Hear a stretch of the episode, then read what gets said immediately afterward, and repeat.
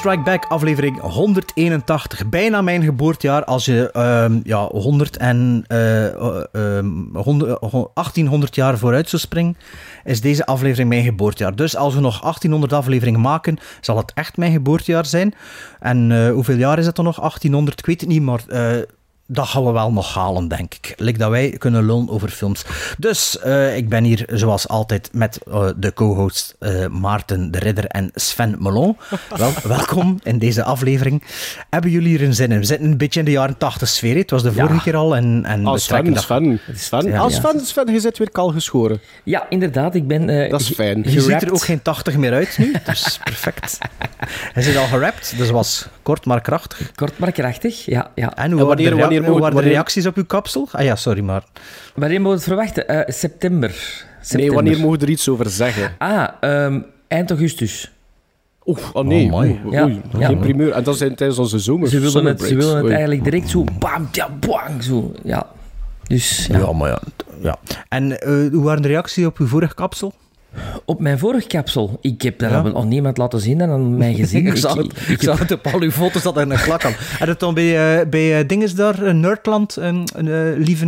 Heel de tijd in de zaal met, een kla- met een klakje Met een gezeten. klak aangezeten. Dat zal wel zijn. In de cinema maar ook. ik- ja, Ah, dat heb ik gezien. Dat, is- dat heb ik Ja, gezien. ja. Ah, ja, maar je zit een paar keer naar de cinema geweest, hè, Ja, zeker, zeker, zeker. Over ja. de cinema gesproken, we zijn dus een filmpodcast en je kunt ons volgen op onze sociale media, dat is op Facebook, Twitter en Instagram en ook op Letterboxd, waar Maarten stevast alle besproken films per aflevering locht, locht mag ik hopen, want het begint meer en meer mijn referentie te worden als ik moet voorbereiden. En, eh, Ah ja, maar, ja, maar, ja, maar gun, en gun ook- mij, gun mij een gunfactor van één of twee afleveringen. Ah ja, oké. Eh, mailen kan ook nog altijd naar gremlinstrikeback.gmail.com. We hebben weer een leuke mail gekregen, waarover later meer. Eh, en deze aflevering, ehm, wat gingen we weer eh, allemaal doen? Ehm, eh, ja, drie films bespreken die... Wat was het weer? Ah nee, het was een Gremlin Strike Back Classic. Ik dacht dat het Ja, jaren ja, ja. 80 films was. Dat is maar de het zijn eigenlijk de jaren 90 films, het waren classics. Dat was Miller's Crossing, eh, Carlito's Way en Last of the Mohicans. The Last of the Mohicans. eh, die we straks gaan bespreken. En... ehm, eh, voor de rest, wat moet ik nog eh, even aanmelden aan? Ah ja, Humbug, Humbug. Ja, we zijn gesponsord. Deze aflevering is gesponsord door Humbug. Eh, eigenlijk niet echt. bah, we, hebben al- we, we hebben alle drie een Humbug gekregen. Dat, ik had eigenlijk zo'n mooi pers, persbericht gekopieerd. Ik heb het vergeten in mijn voorbereiding te plakken. Dus ik zal het gewoon zo moeten vertellen. Dus Humbug is een soort, ehm, voor degenen die dat wel kennen... Little White Lies, White Little Lies magazine van Groot-Brittannië. Zo'n beetje... ehm, eh, hoe, zeg je dat? Filmfilosofie, maar dan echt, niet like dat wij het doen. Zo'n beetje filosofisch, maar niet per se highbrow, zo ergens tussenin, zo over... eh, en deze, deze, deze, dit nummer, oh, zeg, ik mag dat even opzoeken, want... Ja, ja. Ik weet het Ik zal even gaan want, vertellen dat humbug eigenlijk het woord is dat Ebenezer Scrooge Ah ja, altijd bah, zegt. humbug. Ja, Ah, ja, tuurlijk. Ja. maar Is voor dat de nieuws? mensen die dat niet zouden weten. Hè. Ah, ja, ja. Ik had, Maar- ik had ga vorig even jaar ook een abonnement. Een jaarabonnement op Humbug, ja. En af, opgezet na één jaar, of wat? Ik heb Moet dat vergeten te reclame vernieuwen. Maar dat Ah, vergeten ah, te dat vernieuwen worden- eigenlijk. Hoe die laten dan niet automatisch vernieuwen. Wauw, shit, hè, ik kan dat hier gezien bij Robin. Ah nee, wacht, hoe noemt dat weer? Belgian Soundtracks, hoe noemt dat weer? Die in zijn Instagram? De Belgian soundtrack. Ah, bij Robin Broos. Ja, ik, kon, dacht, ah ja, ik kan dat kopiëren, ik kan het vergeten. maar ja, dus we, hebben, we moeten dus reclame maken voor Humbug en ja, Google het zelf anders ondertussen. Ehm, maar kijk, eh, we mogen ook binnenkort een abonnement, een jaarabonnement weggeven. Dus Maarten, als je deelneemt, misschien dat de onschuldige Ah, misschien wel... eh, win, win, ja, weer. Eh, nee, dus we mogen een, een abonnement weggeven op onze sociale media, oud aan de gaan. En daar zal ik dan echt de promotalk in, in plakken. Maar dus Humbug is, ik kan niet zeggen in alle krantenwinkels te koop, maar ik heb dat wel al op verschillende, krant, in verschillende krantenwinkels zien liggen. En dit nummer had eigenlijk over de jaren 80, hè, en daarom eh, zijn wij ook eh, aangeschreven om even promo te maken. Dus. Naad, naadloze overgang. Naadloos Dus eh, bruggetje. ja, ja, naadloos bruggetje na het, het promo-incident hier. Wacht, ik kan nog één keer, ik zie het nu wel, de original soundtrack staan. Ja, nee, ik vind het niet. Ehm, maar kijk, hou onze sociale media in de gaten, dus het zal op Instagram zijn waarschijnlijk. En als je nog iets te melden hebt, stuur ons een mailje. Ja, en dan eh, lezen we dat misschien wel voor, of nemen we contact met de Bob, of zien we wel wat er gebeurt. En ondertussen zie ik van Sven dat hij echt wel heel bedrukt kijkt, want er is weer iemand overleden volgens mij. Now I am become death, the destroyer of worlds. I should have expected to find you holding Vader's leash. I recognized your foul stench when I was brought on board. Little surprises around every corner, but nothing dangerous. I don't know where you get your delusions, laser brain. Seasons don't feel the reaper, nor do the wind, the sun, or the rain. We can be like they are. Come on, baby, don't feel. Baby, take my hand, don't feel. Net geen 100 geworden, deze man. Eh, Harry Belafonte, geboren op 1 maart 1927, gestorven op 25 april 2023. Vader van Sherry Belafonte, die we allemaal kennen uit... E.T. Nee, maar, ah, close but no cigar. Cocoon. Eh, Ah, kijk. Ja, Sherry ook. Belafonte, ook in Cannonball Run 3, oftewel eh, ehm, eh, Speed Zone ook wel genoemd. Geen grote carrière voor eh Sherry Belafonte, wel een grote carrière voor Harry Belafonte. Het is een zanger en een acteur. Hij kreeg de bijnaam de King of Calypso, omdat hij de calypso-muziek internationale bekendheid gaf. Hij werd bekend met zijn hit... Ehm, I wa- ehm, my, mommy, my mom is my father and my Nee, mama nee, don't nee, know. Ah, de nee. Banana Boat Song. Ah, ja, ja, ja, juist. Deo, Dat was zijn tweede hop, denk Deo. ik. Hè, die dat we allemaal kennen natuurlijk uit de film. Beetlejuice. Dankjewel, Maarten. Toch tenminste Graag gedaan, iemand. Sven. Voilà. Hij is ook ja, UNICEF-ambassadeur. UNICEF-ambassadeur. Hij is een eh, grote eh, ehm, eh, lid van de burgerrechtenbeweging in Amerika. was de grote vriend van Martin Luther King. Ehm, en hij had wel wat invloed natuurlijk op die manier eh, in de showbiz in eh, Amerika. Veel films heeft hem eigenlijk niet gemaakt. Eh, zijn laatste film was Black Klansman. Waar dat hij eh, al eh, pak in de 90 was toen hij die maakte. Hij heeft ook een heel toffe film gemaakt met Bill Cosby en Sidney Poitier. Eh, in de tijd dat Sidney Poitier en Bill Cosby heel veel ehm, comedies maakten Aan de eigenlijk. vrouwen zaten... Ah ja, nee. En ook. Allee, Cosby, dat weten we. Poitier, dat weten we niet. Eh laten we zeggen dat Harry. Belafonte meer neigt naar een Sidney Poitier gehalte dan naar een Bill Cosby eh, eh, gehalte. Maar ehm, ja, dus eigenlijk van dat trio blijft alleen Bill Cosby over. Hè? Je ziet dat? Ja, maar ja, Bill Cosby is iets jonger, toch, hè? Eh, eh, Die is in de 80 nu, denk ik. Hè? Ja. Oh ja, ja, maar hij was eind, eind het 90. hè. Ik heb 96, toevallig de, 96. de, dag, de dag van zijn overlijden heb ik dan toch de moeite gedaan om een, eh, om, eh, een Blu-ray dat ik al even liggen had in te schuiven. Een film die ik heel graag wil zien. Odds, Odds Aga- Odds Against Tomorrow. Odds Against Tomorrow. Dat, dat- die Ja. premisse is wel heel tof, hè? Dat is een BFI Blu-ray dat ik gekocht heb. En het is een beetje eh, in the heat of the night, van la lettre, maar met, in plaats van een politieagent met, de, met een bankoverval. Maar de premisse is een beetje misleid, want ze spreken inderdaad over een overval. Maar de overval is pas eigenlijk in de laatste, laatste kwartier van de film. Dus, eh, maar je, je staat wel een mannetje tegenover Robert Ryan, dus dat is wel cool. En eh Ja, ja. He, he, he holds his own. Dus, dus, en ik dacht eigenlijk dat hij een film eh, met de Sidney Poitier was eigenlijk. Dus, Ah eh, ja, oké. daarmee, hè. Hij heeft ook Dus een paar het met wel. Altman gemokt, hè. Eh, in in eh, The Player zit hem eh, bijvoorbeeld The Player, in. ja. En, en Kansas City volgens mij ook. Zit hem ook in. Maar was het eigenlijk in de eerste plaats een acteur of in de eerste plaats een zanger? Zanger. Zanger. Zanger, hè? Ja, Ja, we kennen ja. onlangs heb ik iets gezien.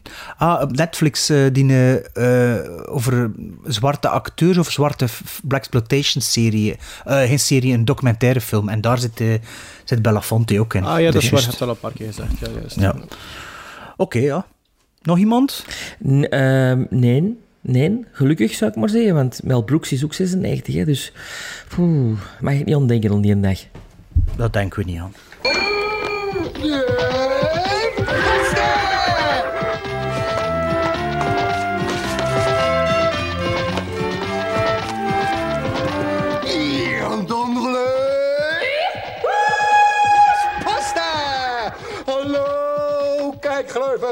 Ook deze maand een enorme bergpost. Dus ga door naar de eer- eer- eer- eerste brieven.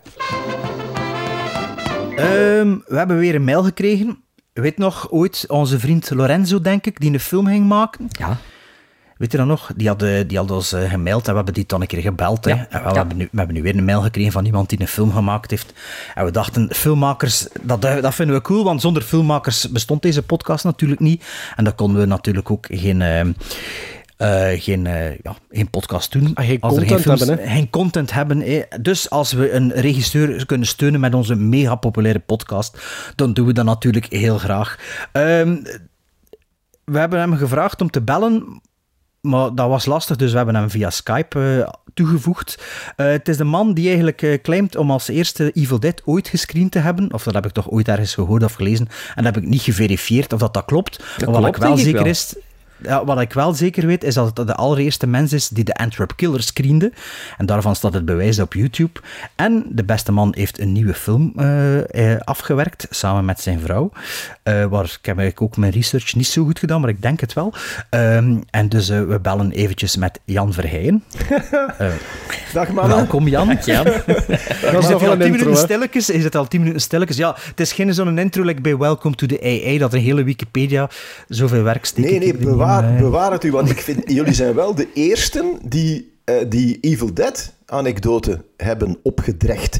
En ik kan niet claimen dat ik eh, de eerste... Ja, ik weet de details niet meer. Nee, dus. het was, het, maar ik weet absoluut nog altijd, ik heb die film eh, gezien toen niemand dat nog kende, op een, in een kleine zaal op de Marché du Cinéma in Cannes.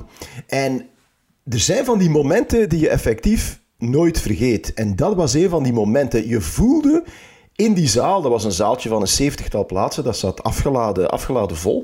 En je voelde gewoon aan die zaal, wij zijn hier iets aan het meemaken. Wij zijn collectief een ontdekking aan het doen.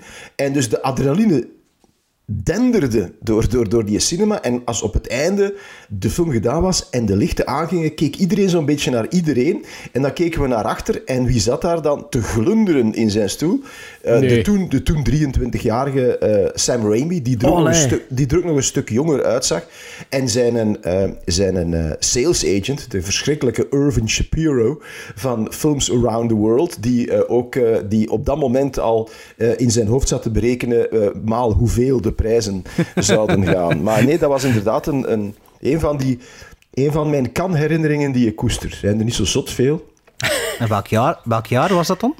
Waar? Welk jaar? Welk jaar, Dat ja. moet dan- 80, ik denk- 81? Eh, ja, een- Nee, later, twee- denk nee, ik, twee- ik denk 82, want Cannes was in mei en we hebben de film toen eh, vertoond. Een van mijn eerste wapenfeiten, als je het zo mag noemen, in het filmvak was eh, een filmfestival in Knokkenhuis. Er Knokke, twee edities. De, de, de- ja, enfin, en, één, en we hadden daar ook een soort Night of the Demons. En één van de films, die, dat waren drie films, en één van de films die daar in première ging, eh, was Evil Dead. In aanwezigheid van eh, eh, Sam Raimi. Die had ook zijn broertje Ted meegebracht. En Ah, die cool. deed al live on stage een aantal van de practical effects uit de film. dat was echt mega cool. Maar Ja, en, ja. toen in, en toen in Cannes, wa- was dat voor eh, een select, die, die 70 man, waren dat allemaal distributeuren Ja, en zo? ja, Of- dat, wa- dat was een buyers screening. dus dus bij jullie, de collectief was dat direct, want de Evil Dead dat heeft wel wat tijd nodig gehad om wat te groeien, hè? maar bij jullie was dat direct in Ja. dat zaaltje van, oh, dit, dit, dit wordt wel iets. Er zijn ook in een, in, in een aantal landen, met name als ik me goed herinner, de UK en Frankrijk, is er ook onmiddellijk een bidding war eh, geweest. Dus had men onmiddellijk door. Het was ook, ja, de jaren tachtig waren zeer goed voor genrefilms. Eh, en iedereen was op zoek naar de next big thing. En er hing toch wel een sfeer van, dit is de next big thing. Ja, maar dat was niet wat met de Antwerp Killer gebeurd is. Nee, de Antwerp Killer heb ik... eh, eh, eh, goh, de Antwerp Killer, mannen, mannen, mannen, mannen. Ehm, dat was ook nog... Dat, ik denk dat dat, dat ook het, het filmfestival van Knokken was, Ja, maar ja. ik weet niet meer of dat Staf- het eerste... Staf het eerste- op YouTube, Knop op het dat tweede, goed. het, het tweede jaar of zo, 1983 dan. En we hadden dus ook, ja, een mail zal het nog niet geweest zijn, want dat bestond toen nog niet, maar we hadden gehoord dat er dus effectief een jonge gast in eigen beheer een film had gedraaid, eh The Antwerp Killer. Hebben wij hem nu gebeld, of hij ons, dat weet ik niet, zei. En wij zeiden, ja, we kunnen wij toch al iets zien. En wij zijn toen, dat weet ik ook nog altijd, en dan zat hij ergens op een zolderkamer in de Parklaan in Sint-Niklaas, achter een, een soort ja, 16 mm ehm, montagetafel. En dan heeft hij één scèneke laten zien, dat niet echt goed was, maar van we dachten, ja, kijk, het is een... Work is in een- progress. Work in progress is een Vlaamse film. Ehm, dus we hebben gezegd, oké, we gaan dat doen. En die heeft toen zelf een enorme promotiecampagne gevoerd. Die heeft echt heel knokken laten volplakken. Die affiche was trouwens ook echt wel goed. Dat was echt een cool affiche. Maar wij voelden al vrij snel dat er eh, serieuze stront aan de knikker was, want wij kregen die film maar niet te zien. Wij kregen die echt niet te zien. En er was ook gezegd van, ja, dat is 16 mm, maar we gaan dat opblazen naar 35, hè, en dan maakt u geen zorgen. En letterlijk, een uur voor de uitverkochte voorstelling, kwam die dus aan met drie rollen 16 mm. En toen hadden we door van shit. En het eerste wat ik toen gezegd heb met de tegenwoordigheid van geest, mijn eigen, het was tegen de persoon die de kassa deed, pak de kassa mee naar de bureau. Want ik zag het al gebeuren dat dat heel slecht ging aflopen. Ehm, dus, en dan, ja, dan is dat naar de projectiecabine gegaan. Die projectionist die belde dan ook direct van, zeg, dat duurt maar 60 minuten. En dan begon dat. En dan en dan, ik stond dus echt peentjes te zweten achteraan in die zaal. Want ik, en dan kon het zo twee kanten uit. Dus er hing zo'n soort verbijsterde stilte, een, een, een bijna tastbaar ongeloof. En dan kan je dus twee kanten uit. Ofwel zou die zaal ja, kwaad geworden zijn en wij willen ons geld terug. Maar is gelukkig is het de andere kant uitgedraaid en is iedereen echt gewoon ja, beginnen lachen. Hij was dat geweldige ambiance, zoals trouwens ook werd vastgesteld door de toenmalige minister van Cultuur, Karel Poma, die tegen ons advies was afgekomen. Die had zijn kabinet belde van ja, meneer Poma uh, heeft, uh, is, heeft, uh, is door de regisseur uitgenodigd. Zouden wij een aantal plaatsen. ik zeg maar, doe dat. Ja, ik heb dat niet gezien. Zouden dat nu wel doen? Maar Poma, hè, liberaal, was toen een enorme voorstander van het vrij initiatief. Al dat subsidiegedoe en zo. Ja, die mensen had toch een film gemaakt in eigen beheer. Dus die Karel Poma zat dus in die zaal en die zag dus voor zijn ogen die Antwerp Killer ontrollen. Werd dan natuurlijk bestormd door de aanwezige pers na afloop. letterlijk in een hoekje gedrongen, waarop hij toch, uh, toch niet, niets beters kon uitbrengen dan ja, ook een beetje naar waarheid. Van ja, de mensen hebben zich toch geamuseerd. Wat ook absoluut waar was. af hij die. En nu dat ik u toch wel aan de lijn heb, uh, hoe komt dat eigenlijk, uh, omdat ik zelf van Knokke Heijs ben, hoe komt dat eigenlijk dat jullie in Knokke beland zijn destijds? Want ik heb vandaag, was niet echt research doen, maar ik ontdekte dat er ooit een experimenteel festival was in Knokke. Een van de venoten had daar een appartement, klopt dat? Maar het is, zeggen, het, is, het, is, het, is, het is allemaal nog stoemers. Hè? Um, maar het klopt, er is inderdaad in de jaren 60, 70 een zeer vermaard filmfestival geweest, Experimental. Dus zonder, ja, maar dan zonder klinkers. Zonder klinkers ja, ja, Experimental. Dat eigenlijk toch wel een, een, een zekere reputatie had. En uh, ja, ik was 18, ik was gebuist in mijn laatste jaar. Ik wou iets met film gaan doen. En uh, ja, 19, nee, begin jaren 80, dat waren de pioniersjaren in mannen. Dat was het Wilde ja. Westen hier. Hè. Uh, er was dus, je had het distributeursfestival in Brussel en je had het filmfestival Gent, maar dat zat toen nog in de studioscoop. Dat was allemaal nog redelijk kleinschalig.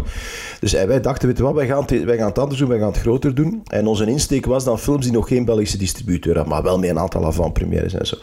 En we hadden zo'n soort plannetje opgesteld. En uh, we vonden, ja, als je dat soort festival doet, moet je dat aan de Belgische kust doen. En we hadden een lijstje gemaakt, maar echt letterlijk. Hè, ah ja, like kan bijvoorbeeld. Ja, ja, inderdaad. We hadden een lijstje gemaakt van de vijf, er waren toen vijf casino's. Oostende, uh, Middelkerken, Knokken. Kok, Kokzijde.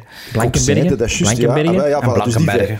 En, en dan, ik had alle vijf die, die, die mensen gebeld, toch vrij vlot binnengeraakt dan bij de, de, de artistiek directeur.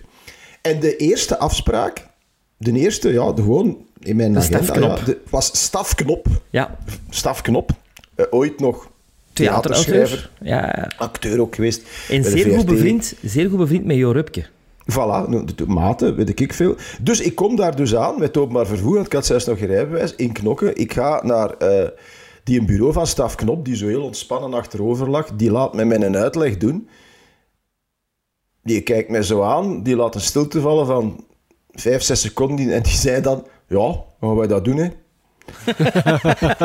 en ik dan, en dan ben ik echt stoem geweest. Dan was ik ja, zo blij eigenlijk. Dan ben ik in een telefooncel mijn andere afspraken gaan afbellen. Dus ik, heb zo, Ah. ik ben dan niet meer naar die andere Had casinos. ze niet tegen elkaar Nee, opgebokst? Nee, Nee. nee, nee, nee.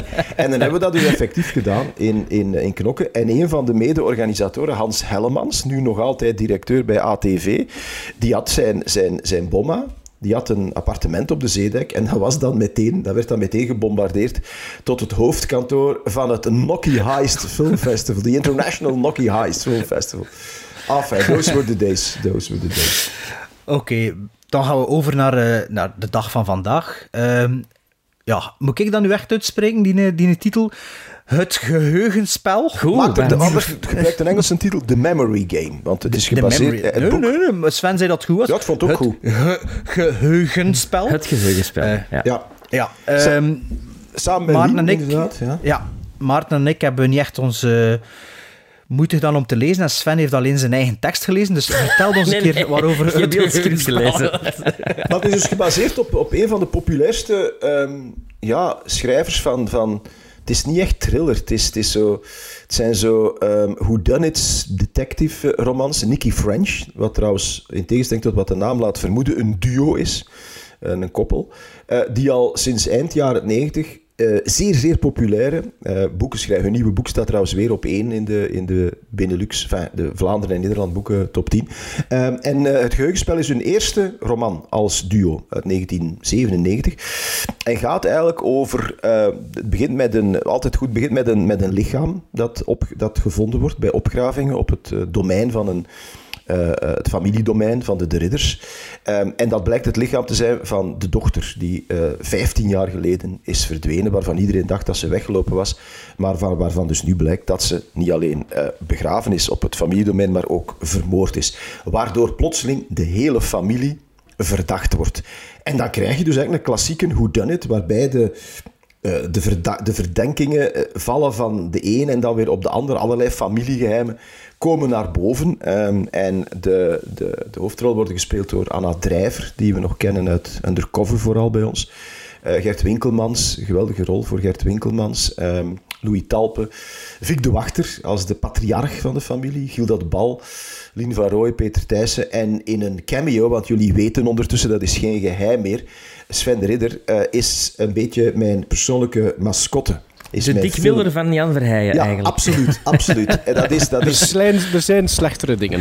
ja, nee, maar, nee, maar omgekeerd hoor. Ik vind, ik vind eh, en dat is niet omdat hij erbij zit, maar ook heel die uitzending van jullie ademt zoveel liefde voor eh, het medium waar ik zelf ook zo verslingerd op ben. Dus dat wij een beetje ja, zielsverwanten zijn. Ehm, en dat ik er Sven ja, echt altijd graag bij heb. Noem het een good luck charm of wat dan ook. En in dit geval ja, het, is, het is echt een cameo. Het zit in het begin van Ja, de film. ja, het is maar één scène, maar hij doet dat toch weer. Ja, dat is, dat is leuk, hè.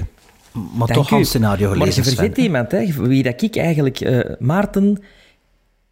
Maarten Heijman? Ja, Maarten Heijmans. Maarten Ah, wel, Heijmans. daar, daar ja, heb ik ja. een vraag over, want ik Ja. wist dat dus niet. Ja, Ik, ik wist ik wie dat er allemaal meededen. Ja. En nu eh, begin ik Arcadia te zien. Ah, en is, dat van, van... met die, is dat die acteur dat onlangs in Noise gezien had ook? Nee. Nee, nee, nee. Nee, nee. Ah, nee, nee. Dus ik begin Arcadia te zien en ik dacht, amai, en ik dacht, amai, dat is die nee nogal...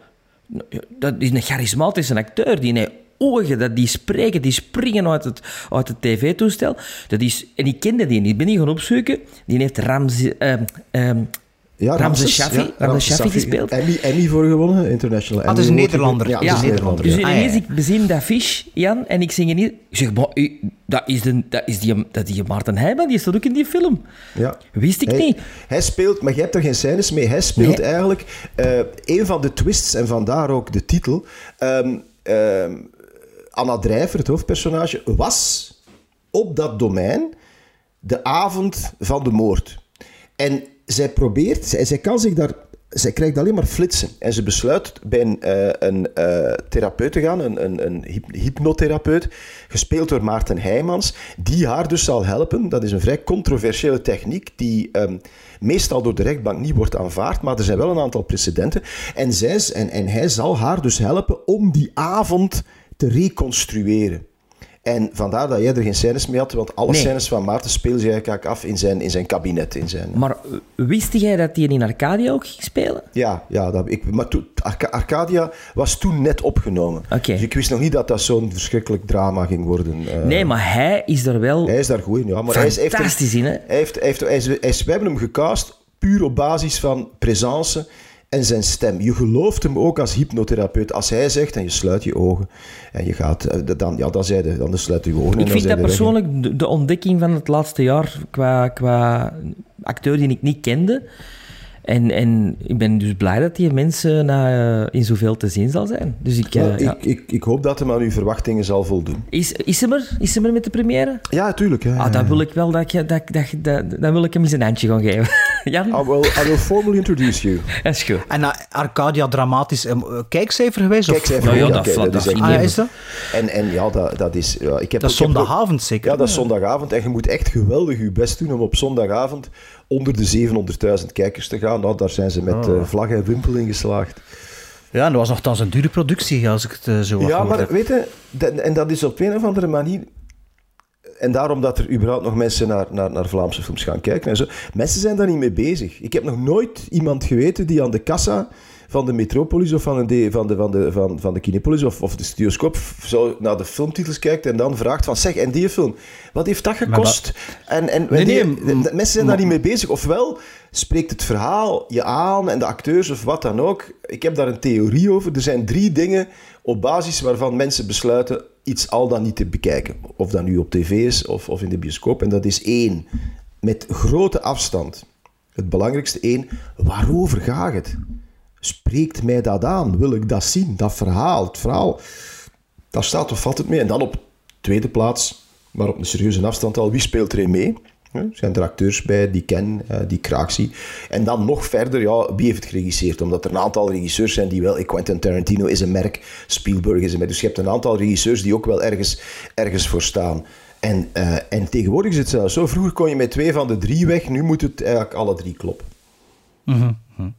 Zeg, ik, wil, ik, wil, eh, even, ik ga de memory game gebruiken, eh, Jan. Want ik had... oh. Nee, nee, nee, want- nee, nee, want- spel. Nee, nee, ik zie ik waag met daar zelfs niet aan. Nee, maar ik gebruik de memory game, want ik heb vandaag ontdekt, en dat is eigenlijk mijn vraag, hoe dat, dat bij jullie terechtgekomen is. Want als ik me niet vergis, was dat eerst de bedoeling dat dat een Britse tv-serie zou worden.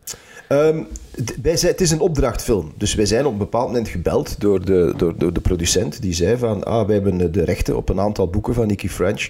En de eerste die we gaan doen is de Memory Game. Er was al een voorgeschiedenis. Er was, al, er was inderdaad de bedoeling dat het een tv-serie ging worden. Maar ik, dat was toen nog gewoon een Nederlandse tv-serie. Ik weet niet of er ooit een voorgeschiedenis in Engeland is geweest. Dat is dan om allerlei redenen niet doorgegaan. Dan gingen ze een film doen. Eh, er, hadden, er, er hingen een aantal mensen aan vast. Dan was binnen de kortste keer ruzie in het huishouden. Dus dat is dan ook niet doorgegaan. En dan zijn ze uiteindelijk... eh, uiteindelijk dan... De volgende etappe waren wij dan.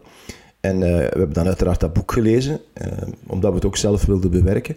En dan vonden we dat daar toch een aantal elementen in zaten. Dat geheugen, om te beginnen, vond ik een zeer interessante premisse. Ten tweede, het genre. Ik hou van genrefilms. En dit is echt een klassieke, ik zou bijna durven zeggen, ouderwetse whodunit. Het is zelfs... Ik, want, eh, nu, alles is tegenwoordig een thriller. Ik vind dat eigenlijk geen thriller. Er zitten thriller-elementen in, maar eigenlijk het genre is een whodunit. Agatha Christie, maar dan zonder de kostuums en de krakende vloeren. Dus het is echt, het is, is echt een whodunit. En dan ten derde is er een zeer interessante zijlijn waarvan iedereen denkt dat ik ze heb ingeschreven, maar die gewoon in het boek staat, waarbij Vic de Wachter, eh, als de patriarch van de familie, zijn fortuin is eigenlijk gemaakt met een gigantische bestseller die hij heeft geschreven. Ehm, en die wordt nu eh, in, eh, in, het, in het tijdperk van, van alles in vraag stellen, de cancelcultuur en MeToo en zo, dat wordt eh, met terugwerkende kracht veroordeeld. Dus hij zijn, zijn enige claim to fame, waar, waarop zijn reputatie en, en zijn, zijn, zijn, ja, zijn, zijn wealth, zijn rijkdom is gebouwd, wordt nu aangevallen. En dat geeft, er is één scène waar hij in debat gaat met een, in, in, een, in een kolkende zaal. Eh, en dat is eigenlijk een, een dat is ongelooflijk actueel. Mensen denken... Dat is- ja. en dat staat in het boek En dat van de staat in het boek 90. van Ja. 1997. Dat is eigenlijk ongelooflijk. En dat is natuurlijk leuk, omdat daardoor de film toch een soort... Ja, relevantie is misschien overdreven, want het is echt een, een, een zijlijn. Maar het voelt wel actueel aan, daardoor. Ja, maar je zei juist, juist nou eh, zelf al dat, de, dat je gevraagd zit om de film te regisseren. Dus is het, is het een volledige Nederlandse film? Als ik de Nee, zo wat bekijk, of is het een Belgisch, Belgisch, is het een Belgisch-Nederlandse film of is het een Nederlandse-Belgische film? Ah, wel, het is, het is, eh, ik snap de vraag. En eh, het is in Vlaanderen is het een Vlaamse film. En in Nederland is het een Nederlandse film. Ehm, en het is, en dat is, dat is op zich gewaagd, want, want vaak krijg je dan zo, ja, europudding. Hè, dan krijg je zoiets van dat, dat, dat, dat nergens klopt. Maar in dit geval is het vrij organisch, omdat de film speelt zich af in een landhuis net over de grens, in Loenhout. Ehm, en eh, daar woont dus de Vlaamse familie, hè, met Fiek de Wachter en Gilda de Baal en Louis enzovoort. En ehm, die zijn zeer goed bevriend met een Nederlandse familie. En die wonen en werken in Rotterdam. Dus je krijgt een, een vrij orgaan. Dus het valt, het valt eigenlijk niet op. Het, het klopt. Het is niet irritant. Je denkt niet plotseling hè, dat je naar een Nederlandse film zit te kijken en Jane Bervoets duikt daarin op en dan denkt oh ja, shit, het is een co-productie. Of, of, Ja, of, of, ja. of, of omgekeerd, snap je? Dus dat, dat is het niet. Het, het, het klopt organisch. Ehm, en het, het, het zit ook mooi in balans. Iedereen spreekt ook ja, zijn eigen taal. Dat klinkt nu raar, maar je, je begrijpt wat ik daarmee bedoel. En dat klopt. Dus daar hebben we ook wel over gewaakt. was ook eigenlijk wel interessant, omdat... ehm, ja, bij, als je het scenario dan schrijft, hou je daar wel rekening mee. Maar er is nog ontzettend veel, veel, veel uitdrukkingen die voor ons staande uitdrukkingen zijn, die kennen ze in Nederland niet. Dus dan kreeg je zo bij de lezing, zo, huh, wat, wat, wat, wat, is dat, wat, wat, wat betekent dat? En dan, ja, dan moet je dat natuurlijk aanpassen. Dus dat was wel boeiend. Ik heb toch weer, ik heb geleerd dat de verschillen tussen onze noorderburen en ons taalkundig eh, toch groter zijn dan ik eh, had ingeschat.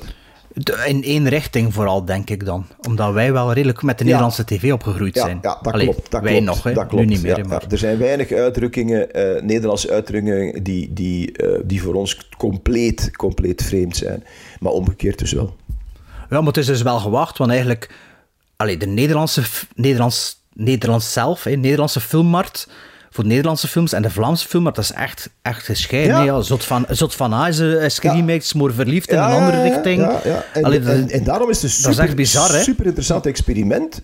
Eh, en, en het kan ook al, want dus, dus volgende week is de première hier. De, de, de maandag is dan de grote première in Tuschinski eh, in Amsterdam. En wordt die ook, komt echt heel groot uit. Maar de- je zal dan, stel, dat zou nog interessant zijn voor studenten marketing of, of studenten film.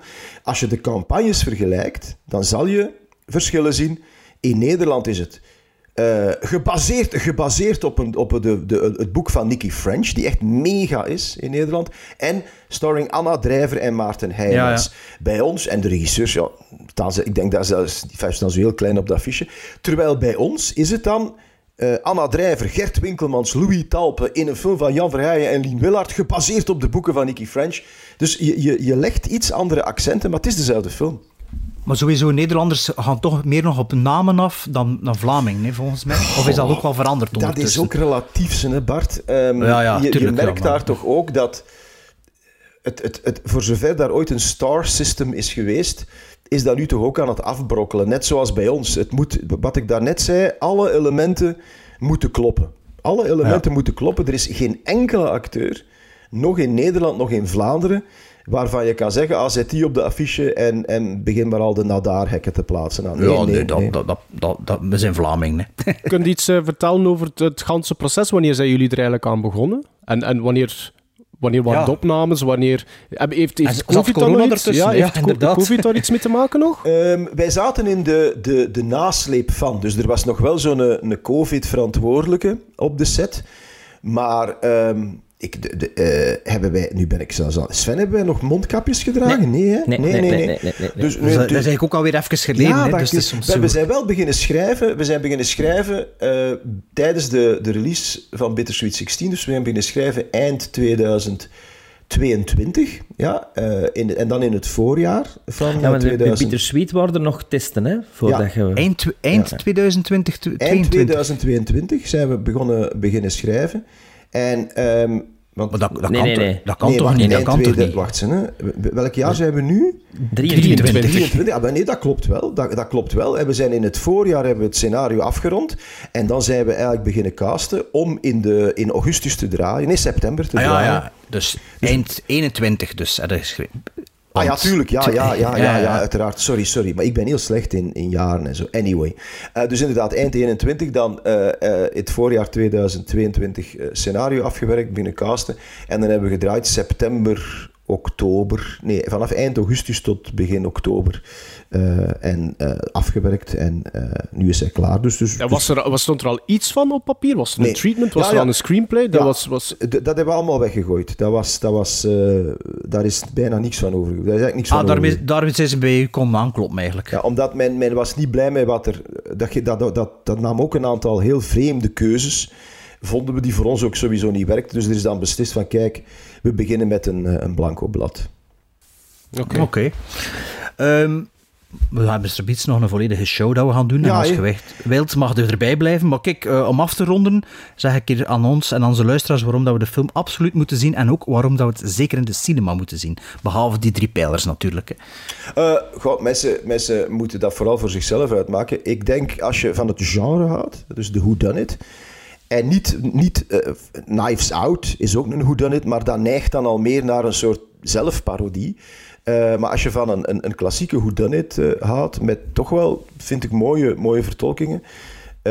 Mooie production value. Het, het huis waar de, het familiedomein is echt een prachtige, prachtige locatie. Dus het, heeft, het ademt ook wel een soort Dat luxe. daar ben ik en dat is, dat Ja. is op zich vrij uitzonderlijk, want als wij films maken is het toch meestal met triestige mensen in achterkeukens. Ehm, dus het, het ademt... In Wallonië. Ja, met, met een handcamera achter iemand aan, Hos. Dus, dus het, in die zin ademt het wel... Ja, het, het heeft een, een zekere eh, production value. Eh, het is iets dat bij ons eigenlijk... Want mensen vragen dan ook, van, met wat kun je het vergelijken? En ik vond niet direct een, een vergelijking. Het is, het is qua genre. We hebben al policiers gemaakt. We hebben misschien ja, een paar films die onder de noemer thriller zouden kunnen vallen gemaakt. Maar dit soort genre, dit, dit soort whodunit, eigenlijk nog, nog, nog niet. Dus dat, vond ik erg fijn om te doen. Ja, sorry, een laatste vraag. Is dat, een, is dat een genre die in Nederland wel al meer bekend is? Ja, fijn. De- niet zozeer de... Maar, Dick, de- eh, Dick Maas gingen gedaan?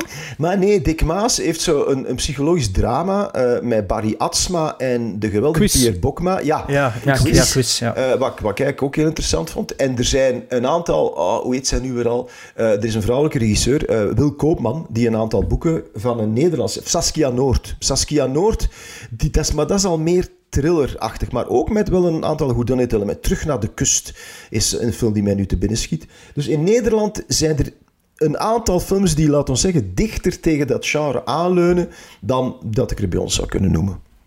Oké, dus het geheugenspel, de eerste Vlaamse goedunit sinds Zwitser, binnenkort in de zalen. Hè. Ja, vind ik nu wel een ongelukkige vergelijking ook weer, box-office gewijs, maar vanaf 17, vanaf, vanaf 17 mei in de zalen, ja. 17 mei in de zaal. de Vlaamse, de Vlaamse The Producers, eigenlijk. Eh, Jan, jij blijft nog voor de rest van de aflevering? Ja, want eh, eh, eh, ja, ja, want vind ik ik, tof. ik kijk ook geweldig uit naar wat er nog komt, namelijk. Ja. Allee. Allee, wij ook. Stop!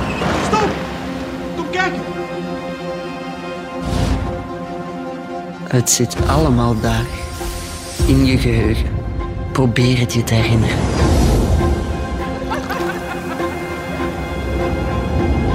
De voorbije 25 jaar hebben we elkaar altijd recht gehouden. En dat zal nu niet anders zijn. Op de ridders van de lange tafel. En door die opgraving komen allemaal herinneringen terug. Alleen. niet alles klopt. Is er iemand anders? Heeft Theo hiermee te maken? Heel mijn leven is een leugen. Heel deze familie is een leugen. Niemand is te vertrouwen, echt niemand.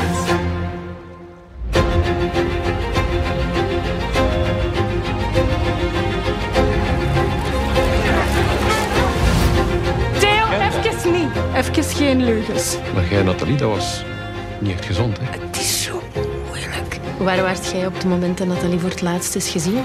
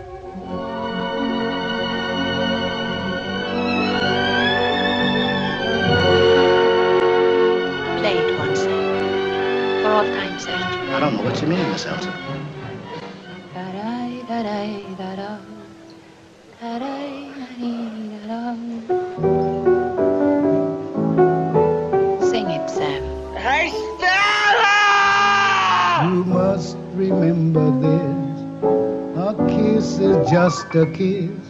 A sigh is just a sigh. All right, Mr. DeMille, I'm ready for my close-up. Gremlins Strike Back Classics. Het was al even geleden dat we dit segment nog een keer eh, gedaan hadden. Dus we hebben eh, drie films gekozen voor de aflevering die we gaan bespreken. Wat, is de, wat zijn de Gremlins Strike Back Classics? Dat is eigenlijk de officieuze jacht op een seal of approval. Dus eh, films waarvan dat we hopen dat ze van iedere host minstens een 8 op 10 score krijgt. Is dat zo?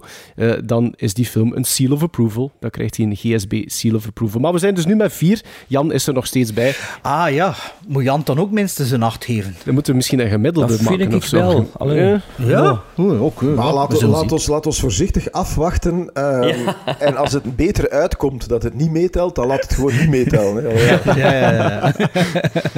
Eh, maar ja, we hebben dus drie films gekozen en we gaan beginnen met eh, de film die Sven naar voren heeft geschoven. Sven.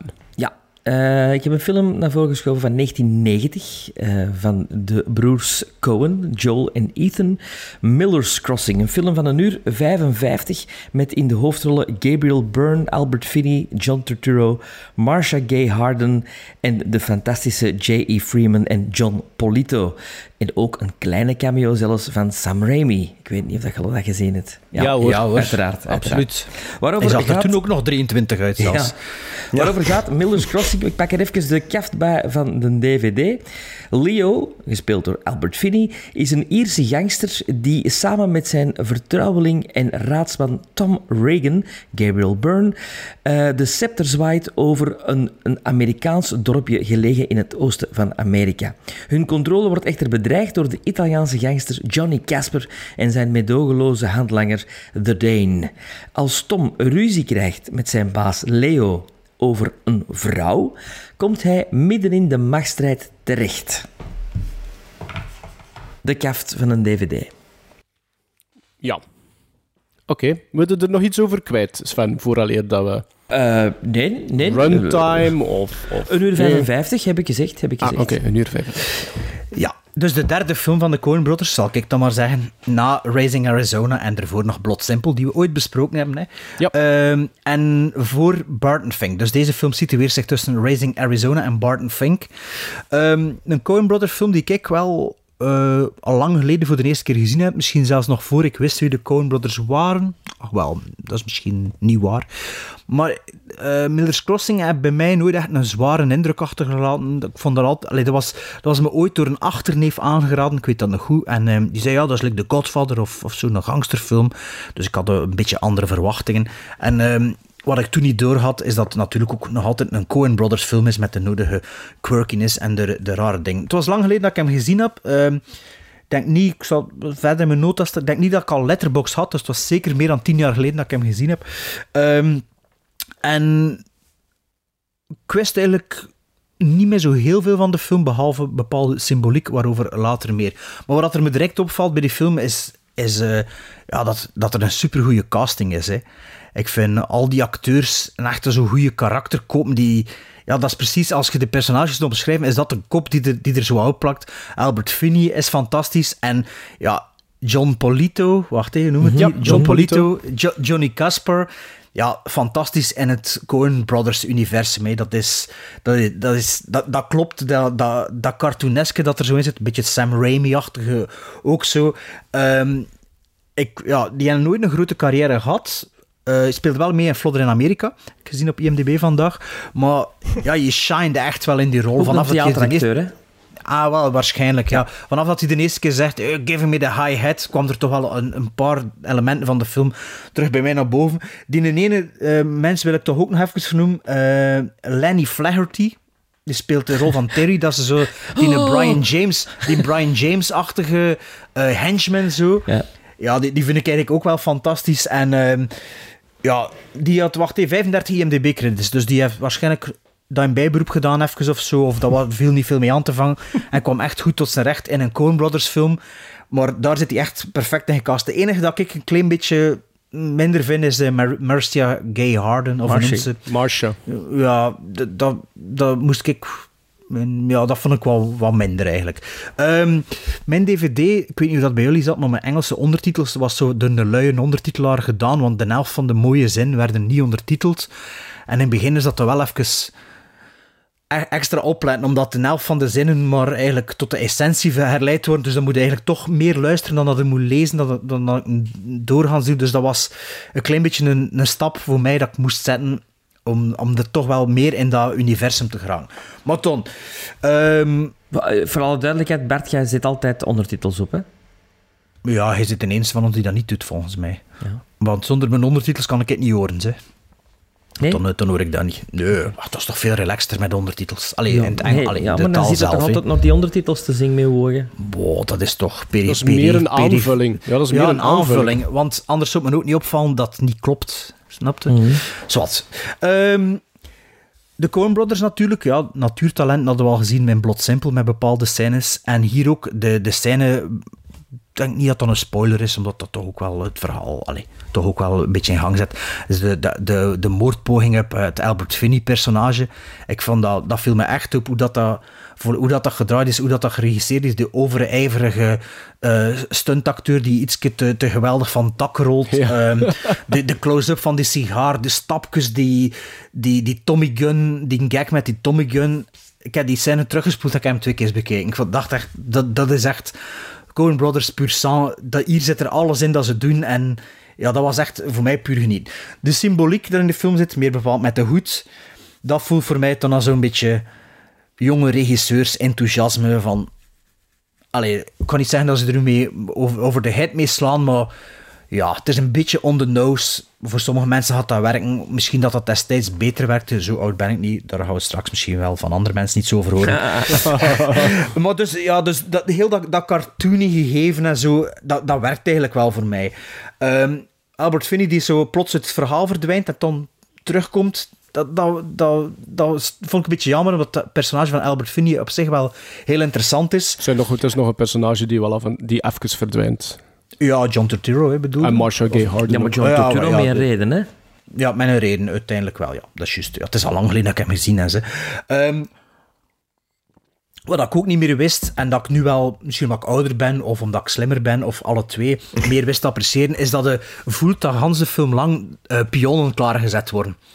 En op zo'n danse manier dat je denkt dat het zelf aan het bedenken zit. Snap je? Zo, je voelt slim als het aan het gebeuren is, maar ja, eigenlijk is het poep simpel. Maar door de manier waarop dat aan u gegeven wordt, de informatie, en het gevoel dat het zelf mee aan het bedenken zit samen met eh, Gabriel Byrne. En dat, dat vond ik nu wel een sterk punt met, met hem nu te zien. Dat was de eerste keer dat ik dat echt wel besefte van, ah ja, die is nu daar en daar en toen, om dan later waarschijnlijk zo en zo, omdat ik, wist ook niet meer precies hoe dat eh, het verhaal afloopt.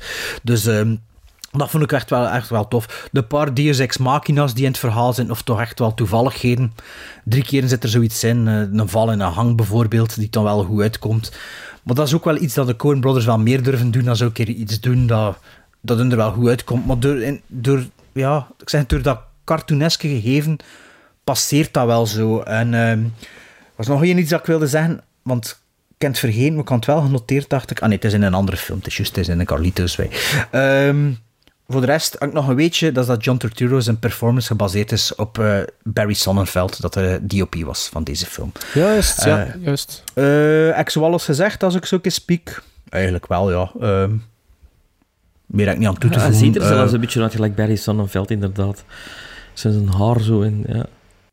Ehm, ik zei het, het was eigenlijk ehm, geen herontdekking, maar toch eh, een bevestiging dat Coen Brothers toch wel bij mijn favoriete regisseurs horen. Maar nog altijd niet de verwachting die ik ooit destijds had van het is een soort de Godfather ingelost. Het is toch altijd een quirky hangsterfilm voor mij.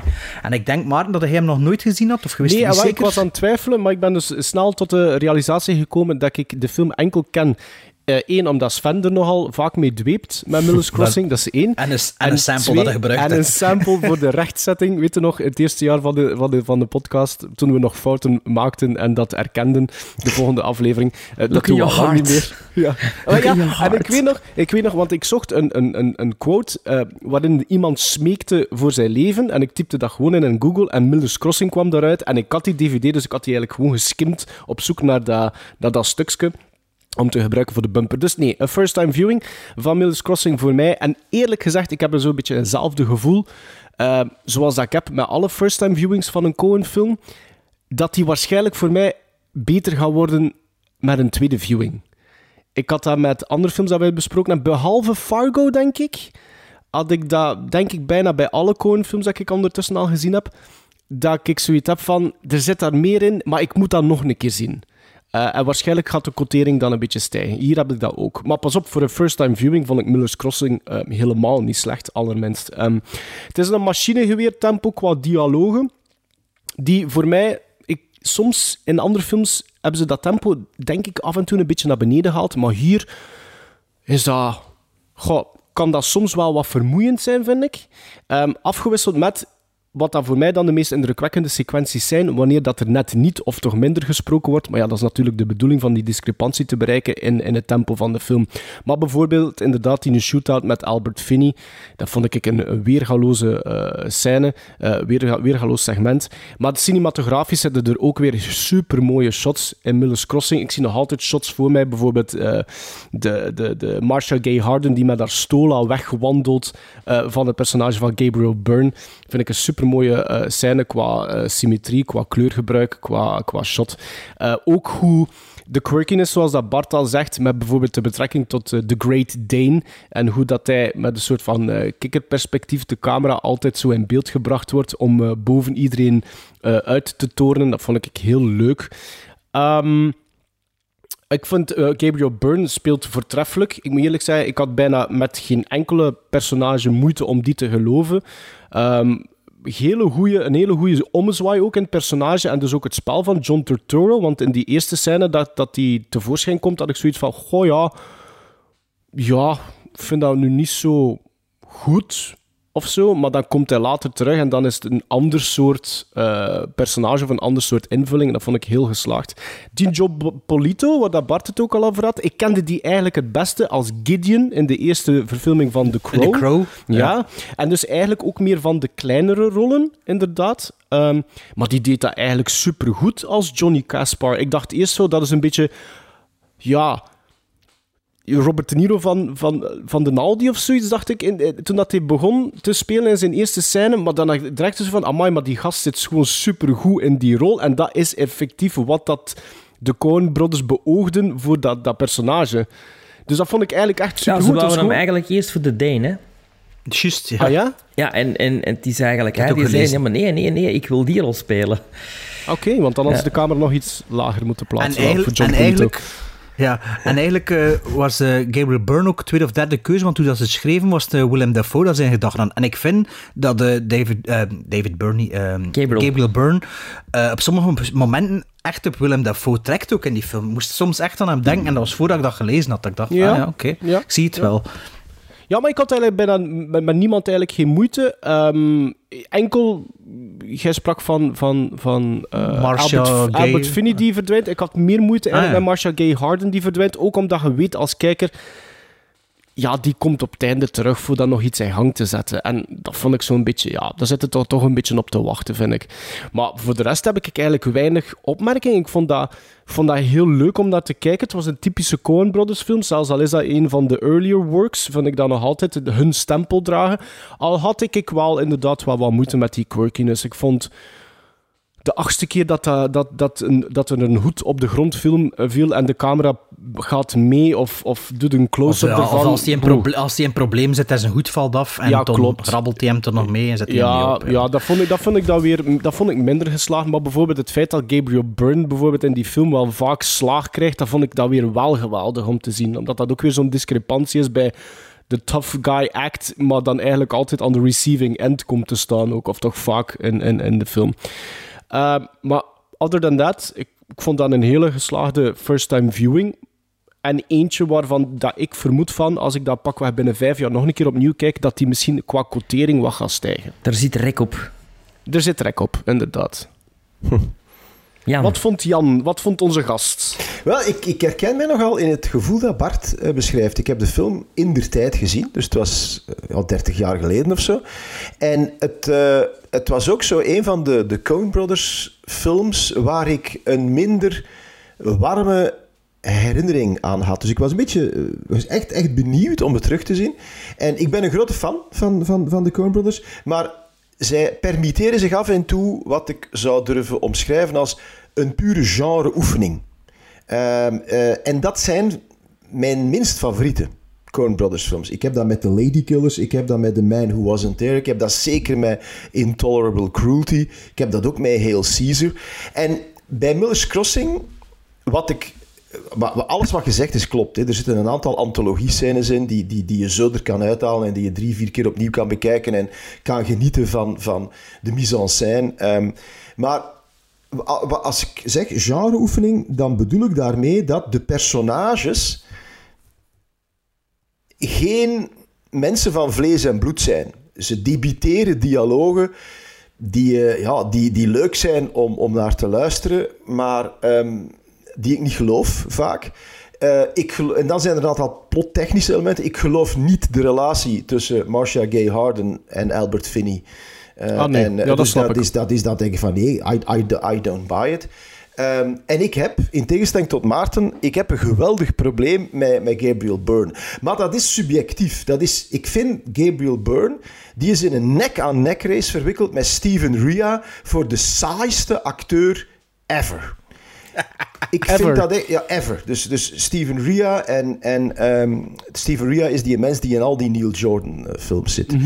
Eh, en ook nergens anders, wat ook al iets zegt. En, en bij, Gabriel Byrne, bij, bij Gabriel Byrne heb ik dat ook op een of andere manier. Ik vind die niet boeiend om naar te kijken. Dus als dat dan het hoofdpersonage is, waar, waar die film aan vasthangt, ja, dan vind ik dat, dat, is, ja, dat helpt mij niet.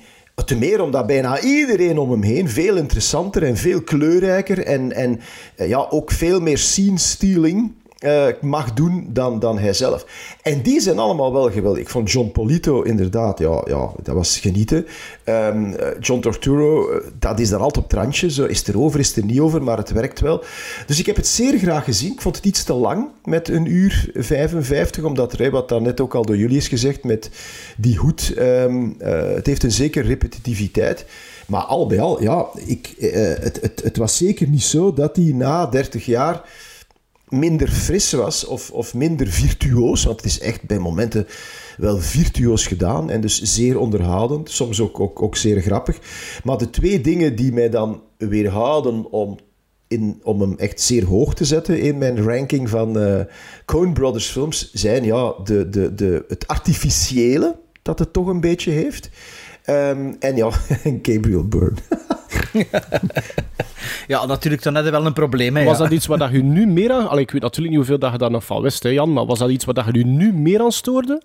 Ehm, ik herinnerde mij het wel. Het was een van de weinige dingen die ik me herinnerde van oh, die Gabriel Oh, die. Gabriel Maar- Byrne. Het is wel Ja. een beetje een, een vlakke Ja, performance. hè. en, en, maar, hij, maar heeft dat altijd? Die, je denkt, die mens... Dat is niet ja, waar. Die, die, Allee, die zijn, als- die zijn ik batterij is half leeg. End of, end of Days is hem toch, is hem toch een perfecte ja, maar, maar, maar, maar, het is, maar, mannen, het is eigenlijk... Je dat kunt niet... spoiler, spoiler alerts van... Je, Nee. kunt dat, je kunt dat niet rationaliseren. Ik hoor Sven ook af en toe zeggen, ik zie die Niger spelen.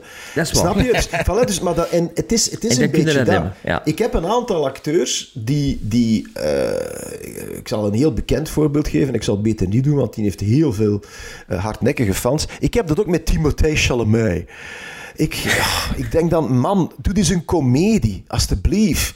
Dat is altijd zo de, de, de, de, de wereld die op zijn scha... Dus dat, maar, maar dat Hij is heeft, hij heeft dat persoonlijk. gedaan, maar dat, dat is hem niet goed in. En Don't dan moet Look hij Up. een Woody Allen film Ja, en in Don't Look Up is hem ook nog. Ja. Maar ik bedoel, dat is, dat is gewoon, Ja. en dat is heel persoonlijk en, en dat is niet te rationaliseren. En ik heb dat dus met, en ik heb er met, met niet veel acteurs, hè, voor alle duidelijkheid, maar ja, Gabriel Byrne is daar, is daar ene van. Sven heeft dat met Ryan Gosling. Ah ja, Eh, serieus? behalve... En, eh, en met eh, Timothy Chalamet. ik heb dat met Ryan Gosling, behalve in La La Land en The Grey Man. Allee, En The Nice, and nice Guys. Dat heb ik niet gezien. ja. Ik heb geen probleem Maar met Miller's Crossing hadden we wel gezien, is Sven? Miller's Crossing heb ik wel gezien. Ik zal u zelfs meer vertellen. Ik was 16 jaar en ik zag die film in uh, Cine Quelin in, uh, in Antwerpen. Uh, in de, de de, de één, dus de grootste zaal van de drie Quelin uh, cinemazalen. En um, ik kwam eigenlijk vers uit een uh, Godfather Once Upon a Time in America uh, jaren waar ik die films allemaal in verslond. Dus ik kreeg een andere soort gangsterfilm te zien.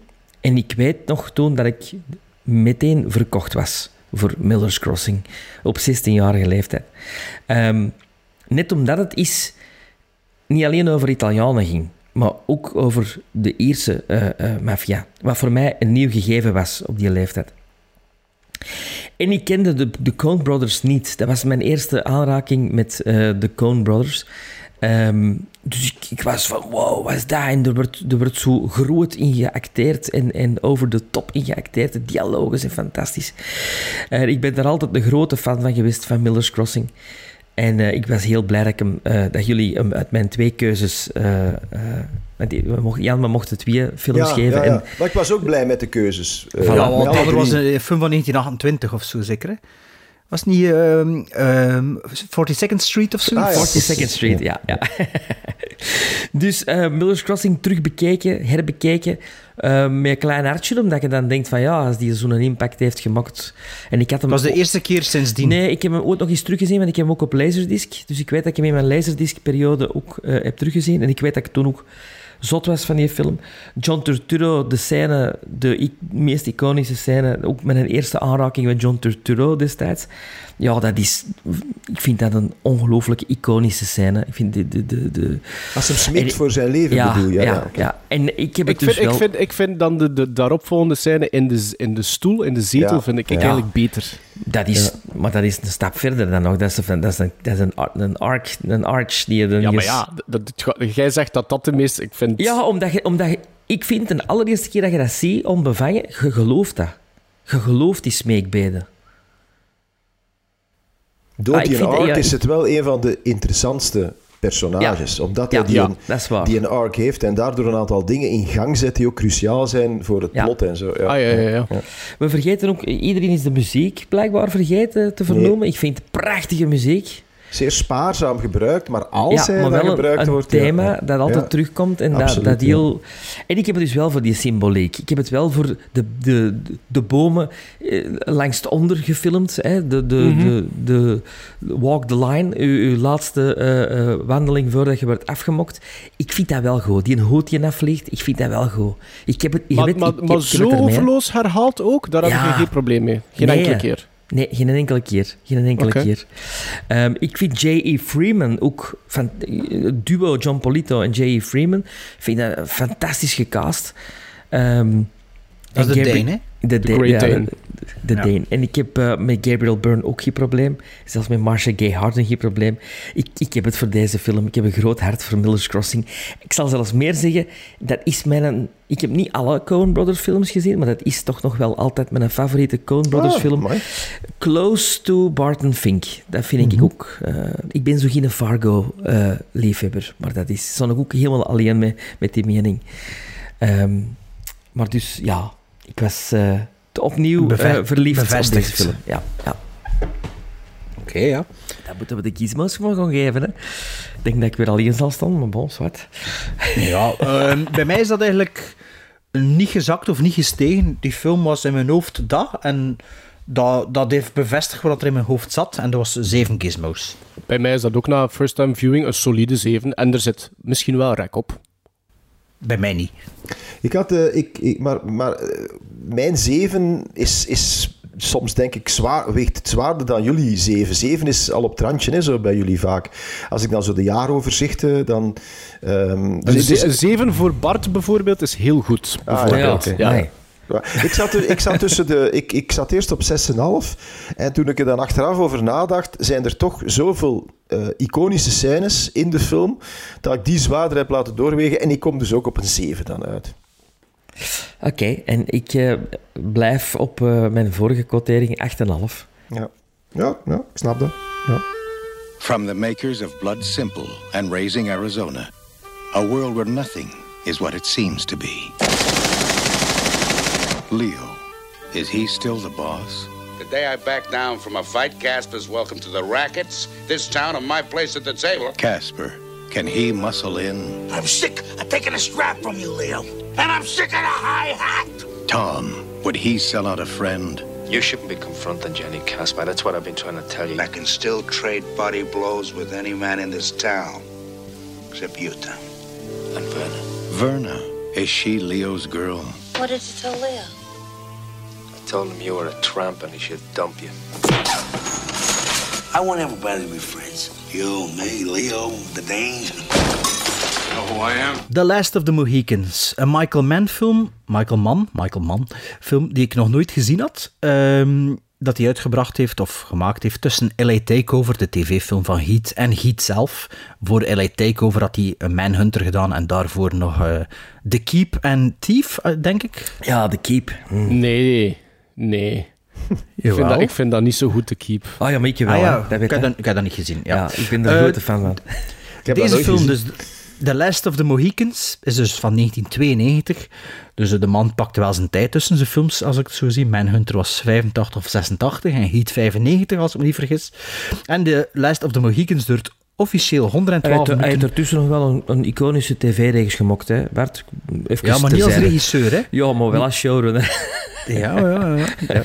Ehm, eh, dus eh, de film duurt 112 minuten en er is een director's cut, en dat is ook degene die ik gezien heb, van 117 minuten, 5 minuten langer. En het is een film met onder meer Daniel Day-Lewis, Madeleine Stowe en Russell Means, waarover gaat Last of the Mohicans. Dus eh, tijdens de koloniale oorlog in Amerika tussen de Britten en de Fransen worden beiden geholpen door verschillende indianenstammen. Hawkeye is een door de indianen geadopteerde Europeaan die samen met zijn stam de Britten helpt. Ondertussen wordt hij verliefd op de dochter van een Britse hoofdofficier. Eh Last of the Mohicans was voor mij de eerste keer, maar jullie hadden die al allemaal gezien, dacht ik. Ah, nee, Was dat voor u een eerste keer? Voor mij, ja. ja. En niet En alleen voor ook. Bart. En niet alleen En voor Maarten Bart. ook, precies. Allee, en. Maarten mag beginnen. Dus eh, vertel me een keer wat dat jij vond Ja. van uw Last of the Mohicans ontmaagding. Wel, het, is een beetje... Het is een beetje de rode draad voor mij is dat er dus drie first-time viewings eh, gebleken zijn, deze aflevering. Ik heb dat als kind gezien, want die werd echt wel heel vaak getoond op eh, toenmalige BRT, VRT eh 1. Ehm, en ik herkende alleen maar één scène en dat was de watervalscène nog. Uit die film. Dus daarom heb ik hem ook gelogd als een first-time viewing. Eh, laat mij te beginnen met eh, misschien hetgeen dat ik vergeten was te vertellen in Miller's Crossing, maar hier nog indrukwekkender is voor mij, ik was heel grote fans fan van de score in eh, The Last, ehm, Last of the Mohicans. No, no, no, no, no, van no, no. Randy Endelman en Trevor Jones. Ik vond dat echt een hele mooie en aanwezige score in, in, in vergelijking tot Miller's Crossing. Maar Weet ik ook de anekdote dan... over de score, waarom dat er twee componisten zijn? Is het met Brian Clifton te maken of niet? Nee, nee, nee. nee. Nee, dat, Maar dat, dat, dat vroeg ik me ook af, Sven. Hoe, hoe, hoe zat dat? Eh, Wel, omdat er eerst een, een rejected score was, Ah, eh, die dan uiteindelijk toch terug is opgevist. Och. Wow, rejected Ehm, van één van de twee dan. Van een van de twee. Ik weet dan niet, juist niet meer van, van de welke. Maar die, Ah, maar die, zat onder de te- die was al onder de temp. Dat was de temp track geworden Ah, wel, waarschijnlijk. het, iconische eh, thema van, dat dat altijd terugkomt, dat, je er, No, no, dat, no, dat, no, is, dat is van ene componist en al de, de andere dingen zijn van een andere. ah, oké. Ah, oké. Oké, dus de main theme is van één en al Ja. de rest is van een andere. Oké. Ja. Eh, waar, waarvoor dank voor de onderbreking. Ehm, ik vind met, met die 117 minuten had ik eigenlijk geen problemen met het, eh, het grotendeels geen problemen met het tempo van de, van de film. Dus ik vond dat de montage eh, viel mij op dat dat redelijk snor zat. Qua, qua, qua ritme. En ik had zeker ook geen eh, probleem met de cinematografie. Dat was zeker in orde, met zelfs een paar uitschieters. Ik zie bijvoorbeeld nog altijd die travel slash panbeweging die heel lang aangehouden wordt wanneer dat de Fransen aanvallen. En er zijn vier kanonnen die na elkaar afgevuurd worden. En dat vond ik een heel, heel sterk shot. Ik vond dat echt super mooi om naar te kijken. Het grootste probleem dat ik heb, en ik, ik maak me al klaar om straks eh, afgevuurd te worden. Het grootste probleem dat ik heb met de film is dat ik werkelijk met geen enkel van die personages een emotionele band had in The Last of the Mohicans. Ik vond, ik had daar niks van voeling mee. Er was, eh, die, die, die, die film bespeelde mijn nogthans redelijk aanwezige emotionele snaren niet. Allee. Eh, het enige personage waar dat ik wel een soort van eh, voeling mee had, eh, was eigenlijk niemand van de bad guys, maar was die Magua, ver, vertolkt door Wes Studi. Study. Dat ik persoonlijk eigenlijk het meest interessante personage vond in, in die film, omwille van zijn backstory, omwille van zijn beweegreden, zijn drijfveren. Maar dat is een man die, pakweg na de eerste 35, 40 minuten, voor een groot stuk semi uit die film verdwijnt. Verdwijnt en wanneer dat hij zijn herintreden maakt, is dat kalf voor hem een beetje verdronken. Maar zijn, zijn beweegreden is nogal is, is wraak. Ja, Dat ja, maar, bedoel, maar, ja. maar er wordt dan heel kort... Allee, er wordt altijd gehint naar een soort van band dat hij heeft ten opzichte van de, de Englishman, de grey hair. En ik vond, ik, ik vond dat dat nog meer uit de verf mocht komen. Dat dat misschien iets simplistischer moet, moest aangepakt worden. Eh, want eigenlijk ook het karakter van Daniel Day-Lewis... Het is niet dat dat echt goed uitgespit wordt ook. Wat dat die man zijn historie is of Maar dat, wordt, dat, wordt toch, dat wordt toch letterlijk gezegd? Is die op niet opgevoed door wolven? Nee, nee, nee. Nee, hij is- nee, hij- hij niet met een, met een beer en een... Nee, nee, nee. Hij heeft zijn, hij- maar enfin, heeft zijn, heeft zijn, zijn, zijn ouders, heeft zijn hele familie verloren en is dan opgevoed door die, door die, die Last of the Mohicans, door die en je zou dan denken dat er bij bepaalde momenten of bepaalde eh, dingen die gebeuren, dat ik meer voeling zou hebben of een grotere emotionele impact zou voelen. Maar dat ligt niet aan het personage, denk ik, maar aan de acteur. Ja, maar dat, maar dat maakt niet uit. Dat maakt niet uit. Maar mijn punt blijft wel hetzelfde. Namelijk dat ik niet zoiets had van... Ik root niet bijvoorbeeld voor Daniel Day-Lewis. Ik root ook niet voor het welzijn van Madeleine Stowe. Ik root niet voor Uncas of van, van die vader. Het meeste wat ik wel iets voor voelde, was voor de beweegreden, de wraakbeweegreden van die, die Magua. En daar had ik eigenlijk zelfs nog meer over willen weten. Maar zoals ik zei, die verdwijnt dan voor een groot stuk van de, van de film. Dus ik kan niet zeggen dat ik een slechte film heb gezien, want er zijn heel veel technische elementen in The Last of the Mohicans die heel adequaat zijn. Maar als ik, op, als ik naar de, plots aan de endcredits zit en zeg van, amai, ik heb hier amper iets bij gevoeld, dan schort er ergens iets voor mij. En dan voel ik dat dat dan waarschijnlijk bij het scenario ligt. Maar Jan, houd u vast. Wacht nog even. Je mag nog, laat uw woede nog wat opkomen. Oh, nee, nee, nee. Ik heb niet, helemaal geen woede tegen. Nee, nee. enfin, zeg. Ehm, maar, ehm, maar nee, eh, Sven, ik denk Mhm. dat jij meer tevreden bent, of... Nee, Maarten, ik zit volledig op jouw lijn. Ah, oké, dat is... Ja, dat want ja, dat wist ik al toch al ervoor. Dat is interessant dat voor de eigenlijk- Dat ik eigenlijk, toen dat deze film gekozen werd, had ik al zoiets van... Oh, ik, ik, ik- dat is nu de derde keer dat ik hem gezien heb. Ehm, de allereerste keer in de cinema gezien. Want, want, want voor u ja, moet dat de eh, film zijn dat je heel bewust hebt meegemaakt op het moment dat hij uitkwam, toch? Ah, absoluut. En, en Ja. ik, ik begreep de... Er was wel een redelijk een hype over Absoluut. die film. En ik begreep dat niet. En ik begrijp dat nog altijd niet. Ik vind dat ook de minst Michael Mann-achtige film van heel zijn oeuvre. Ehm, dat, dat ziet er mooi uit. Dat is schoon. Dat is knap van muziek. Ik heb totaal ge- geen binding met geen enkel personage. Hetgeen dat jij ook... Ik vind Daniel Day-Lewis... Sorry, maar allee, dat is de Gabriel Byrne van de laatste de Mohicans dan. ook zo, ik vind die totaal... Ik vind die zelfs... Ik vind die zelfs niet, niet, niet, niet seksueel... Wauw, wat een, wat een, wat een vent. Waarop dat die Madeleine Stowe dan zou kunnen verliefd worden. Ehm, ik vind de watervalscène... Oh, pff, pff, ja, ik vind het allemaal zo wat potsierlijk, eh ehm, stationsromanachtig. Maar dat blijkt die Last of the Mohicans ook wel een, een stationsroman te zijn, eigenlijk. Allee, dat is een groot Amerikaans werk dat in de scholen verplicht voer was. Dat ook ontelbare keren verfilmd is. Dat eigenlijk iedere Amerikaanse student... Dat is een beetje een, eh, eh, het, het verdriet van België, van, Ik heb je eh, ook zeggen, ja, van het, het is, het is inderdaad zo, dat, want dat viel me op, dat, dat wist ik niet. op- In de opening credits wordt Ja, het boek, hoeveel keer is dat had- het boek, ja, het boek zes keer en ook het scenario uit 1936. Ja, ja, ja, wordt, wordt, eh, eh, ja, adaptatie van een adaptatie ja, van een ja, adaptatie ja, of zoiets eh, was het in het begin. Maar er is wel een heel grote v- de- de- de follow, following voor die film, The Last of the Mohicans. Heb ik altijd het gevoel gehad. Hè? Een beetje gelijk als The Notebook. Zo wat, eh, ook iets dat ik niet begrijp, maar dat ligt ook aan mij. Eh, dus ik heb totaal niet dat... Ik ben een heel romantische man, vind ik van mezelf, maar ik heb met The Last of the Mohicans niet dat romantisch beentje dat ik denk van, ik, ik mis hier iets. Ehm, Zelfs zo, dat de, de eerste keer dat ik hem zag in de cinema, was ik echt teleurgesteld, want ik had een ander soort film eh, verwacht. Eh, was de- na Dances with Wolves, hè, is die uitgekomen? Ja, hè? ja, ja. ja. Ja, Dance of Blues is Ja. 91, 92? 90, 90, ja, ja. dit is 3. Wat was dat, Ja. 93? Ja, waar ik wel een 92. grote fan van ben van Dances with Wolves. Dat mag voor mij zes uur duren, zeven uur duren. Eh, maar dit duurt veel te lang. Ehm, dit is, je weet, ja, Revolution ben ik dan wel een fan van. ja, niemand, begrijpt, niemand begrijpt dat, Jan. Dat, dat begrijpt niemand. Eh, En mijn de- notas stond Revolution ook aangehaald. Ja, dus maar dit, dit meer. dus niet. Ehm, en de tweede keer dat ik hem zag, zag ik zelfs op mijn letterboxd dat ik dacht van, hoe, amai, dat is hoog. De reader? What, what were you thinking? Eh, dus en nu denk ik dat ik een meer redelijke quotering heb die naar mijn gevoel voor de film terug Er- juist zit. Er was nog één scène dat ik dat, ik- dat, ik dat juist ben eh, vergeten aan te halen, die ik echt heel slecht vond. En ik vond dat, ik vond dat niet alleen heel slecht De watervalscène. Nee, nee, ik vond dat ook heel...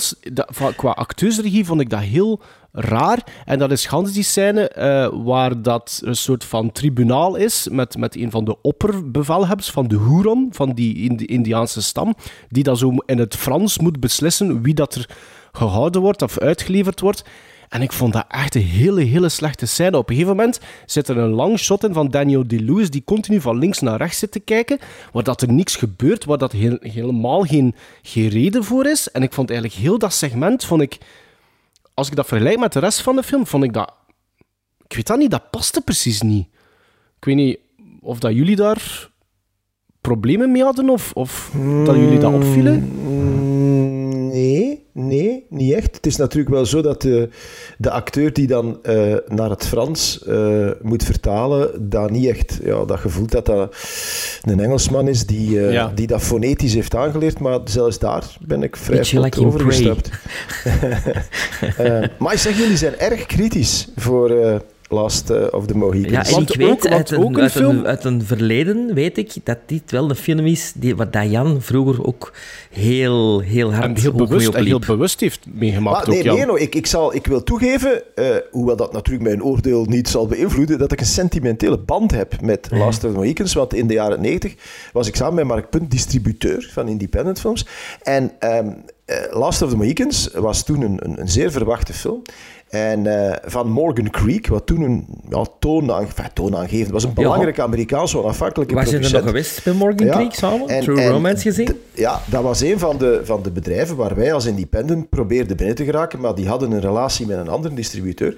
En kort voor, maar letterlijk de week van de Amerikaanse release van Last of the Mohicans, werden we plots gebeld door de mensen van Morgan Creek en die zeiden, kijk, we hebben een probleem. Eh, we, we geraken er niet uit met onze Belgische distributeur.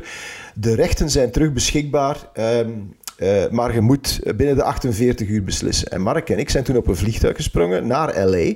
eh, een auto gehuurd van de luchthaven naar de EFCO eh, Westwood gereden. Grote bioscoop in Westwood, waar die dus draaide. Dat was de eerste of de tweede dag dat hem draaide. Eh, wij die zaal binnen om daar na, een kwartier uiteraard als een blok in slaap te vallen, zo jetlagged als Ja, maar zijn kon. Om dat wakker te worden bij de eindgeneriek. En de dag nadien hadden we dus een afspraak met die mensen van Morgan Creek van wat gaan we doen. En ehm, ja, we hebben die toen gekocht. En ehm, eh, ja, we hebben die dan uitgebracht, vrij groot uitgebracht. En de herinnering van Sven klopt, dat was wel een grote film eh, in, in, in die periode. Ehm, en ik heb hem dan uiteraard teruggezien en, vol, en volledig. En ik, ben hem, ik heb hem nu ook voor het eerst sinds lang teruggezien, vandaag nog. En ik, ik volg jullie wel dat er zitten een aantal rare kronkels in. Het is niet altijd, ook in het begin vind ik de montage heel choppy. De, weet je eigenlijk niet... Ja, je weet dat het Daniel Day-Lewis dat dat hoofdpersonage is, omdat dat Daniel Day-Lewis is en dat hij groot op dat fiche staat. Maar in het begin is dat niet zo duidelijk. Er worden er vrij veel personages geïntroduceerd. En er zijn nog een... Want er staan ook twee monteurs trouwens op de, op de credits. Ik weet niet of ik daar iets moet uit afleiden. Anyway, dus ja, er zijn een aantal eh, wat rare scènes. Maar ik was dus wel emotioneel eh, mee. Ik was ook echt ontroerd. En met name door een personage dat nog niet is genoemd. Je hebt Madeline Stowe. En ze heeft een jongere zus. Gespeeld door, zoiets, door Jodie May.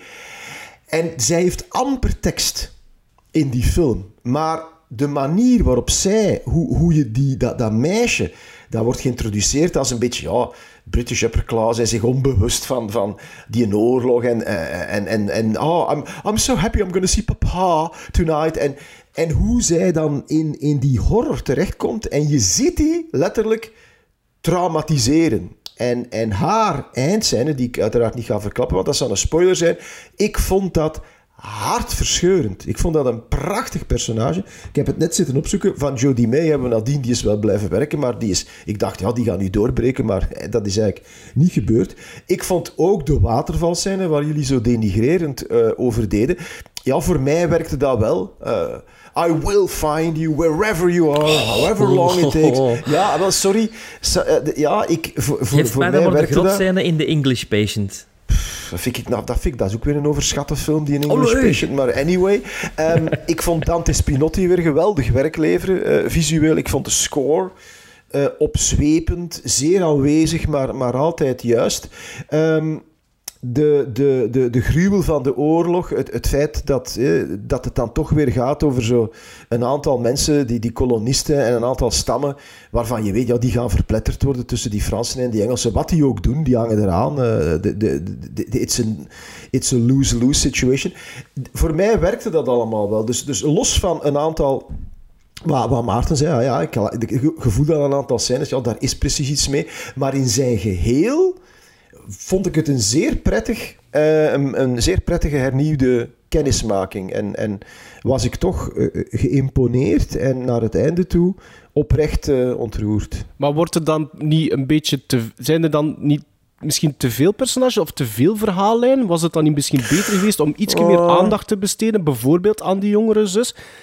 Want ja, goh, ik, ik had, daar had ik dus geen last van, maar wat je zei klopt. Hè. Je hebt de backstory van die Magua en je hebt dan de backstory van Daniel Day-Lewis, waar in de twee gevallen ehm, letterlijk in een soort exposé. Het Ja, wordt letterlijk ver- ja, ja. de- het- er wordt letterlijk verteld, ah, dat is er met mij gebeurd en ah, dat is er, eh, dat is er met mij gebeurd. Maar ik vond dat dat dan wel goed gespeeld was. Ik, ik, ik, ik, ik vatte dat wel.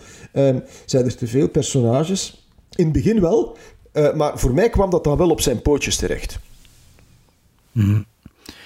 Ja, The Last of the Mohicans, The Last of the Michael Mann film die ik nog moest zien, denk ik. Nee, de Keep heb ik nog niet gezien, maar eh, van zijn grote films was dat nog een eh, hiaat in mijn, eh, ja, in mijn eh, watch, allee, wat ik gezien heb. Dus ik was blij dat de film gekozen werd. Ik weet niet meer wat de andere film was, maar kijk, ik kan nu toch een reden om hem eindelijk eens te bekijken. Het viel me inderdaad in het begin op dat de film eh, ada- de derde of de vierde keer al geadapteerd werd. En dan nog een keer dat de originele screenplay ook nog een keer gecredit werd als, als bronmateriaal. Ehm, zo van die Indianenfilms. En ik was al blij dat ik zag dat die onder de twee uur duurde. Want eh, ja, zo van die soortgelijke films, dat kan al een keer lang duren. Maar hier, na 15 minuten, was er toch al iets gebeurd. Zo. Dus ik vond, dat, ik vond dat wel al tof. Maar het probleem was, na 15 minuten wist ik ook niet meer wie dat wie was. was ja, wat heb ik nu net gezien en wie is wie en waarom. Maar ik weet ook van, moet me daar niet te veel aan storen. Dat gaat wel duidelijk worden. Maar voor mij werd het op de duur ook niet echt duidelijker. Ehm er zijn allemaal grote liefhebbers van die muziek. Bij mij staat me dat tegen op de duur. De hele tijd datzelfde Iets te aanwezig voor u waarschijnlijk Iets ook. te aanwezig, absoluut. En ook na het eerste uur, ik voelde niks van spanning in die film. Ik zat er nog te kijken en ik... Ik weet niet, eh, maar hij vond dat goed gemonteerd. Ik vond dat er daar geen ritme of geen cadans in die film zat. Dat, dat, dat trok zijn eigen niet vooruit, precies die film. Dat was ja, twee monteurs misschien, dat hangde precies wel krom aan elkaar. Ik weet het niet goed. Ik had ook het gevoel dat de film mij iets moet doen voelen dat ik totaal niet merkte of totaal niet voelde. Ik, ik, ik zat er zo wat op te wachten en ik dacht van ja, nu moet ik precies dat denken of voelen. Maar, maar, maar het kwam niet. Eh, in het eerste uur, op het uur ongeveer, is er dan wel eindelijk een keer zo'n gevecht waarbij dat ik eindelijk een klein beetje een emotionele betrokkenheid voelde. En dat, dat me toch iets, iets, iets deed. Maar het heeft niet lang geduurd, want er kwam inderdaad de watervalscène dat, dat heel raar gedecoupeerd is, heel onduidelijk is. Ik geloof ook al niet voor te beginnen dat die gewoon naar beneden gevaren zijn met die een boot van die waterval. Dat is ook met Oh, zo'n dat is raar heel shot slecht. verteld. Dat is heel slecht gedraaid, hè? Ik vond, Ja, ik vond dat heel raar. allee, die- eh, dat was zo... Dat is als je dat oké, ziet... dat is niet de meest technisch overtuigende scène uit de film. Ja, maar, Ja, want je ziet dat topje, topje van de Ja, boot altijd... en de- dan- en dan dan- dan- is van Ja, en, en ja, toen ja. zie je een andere shot waar dat, dat een veel grotere waterval is. Dus, en toen heel die scène in die grot achter die waterval.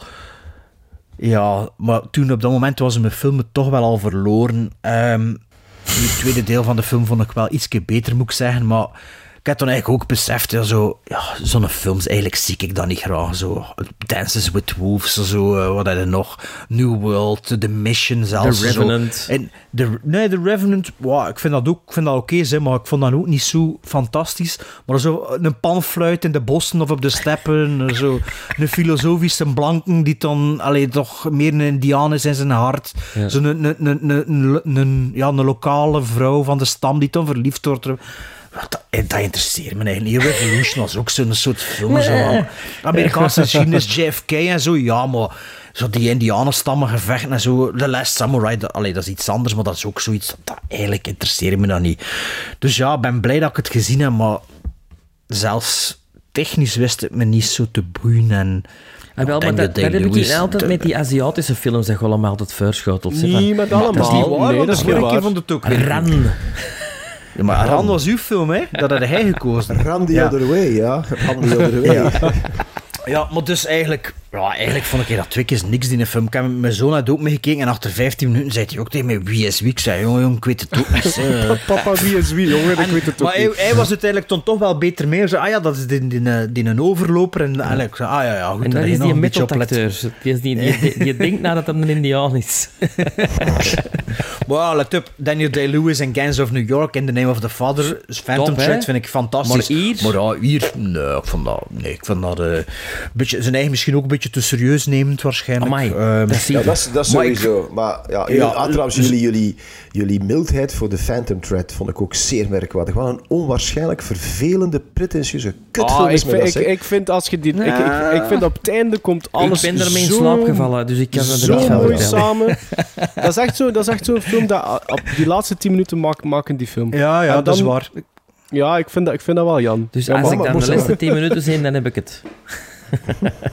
Ja, misschien, hè. Soms Nee. hadden dat, hè. Want hij, hij had ook in zo'n film gehad, Sven, maar ik weet wel niet meer wat. de- Was het El Conformista niet dat op het einde dan plots eh, Het licht zag. het licht zag? Nee, er was zoiets. Well, whatever.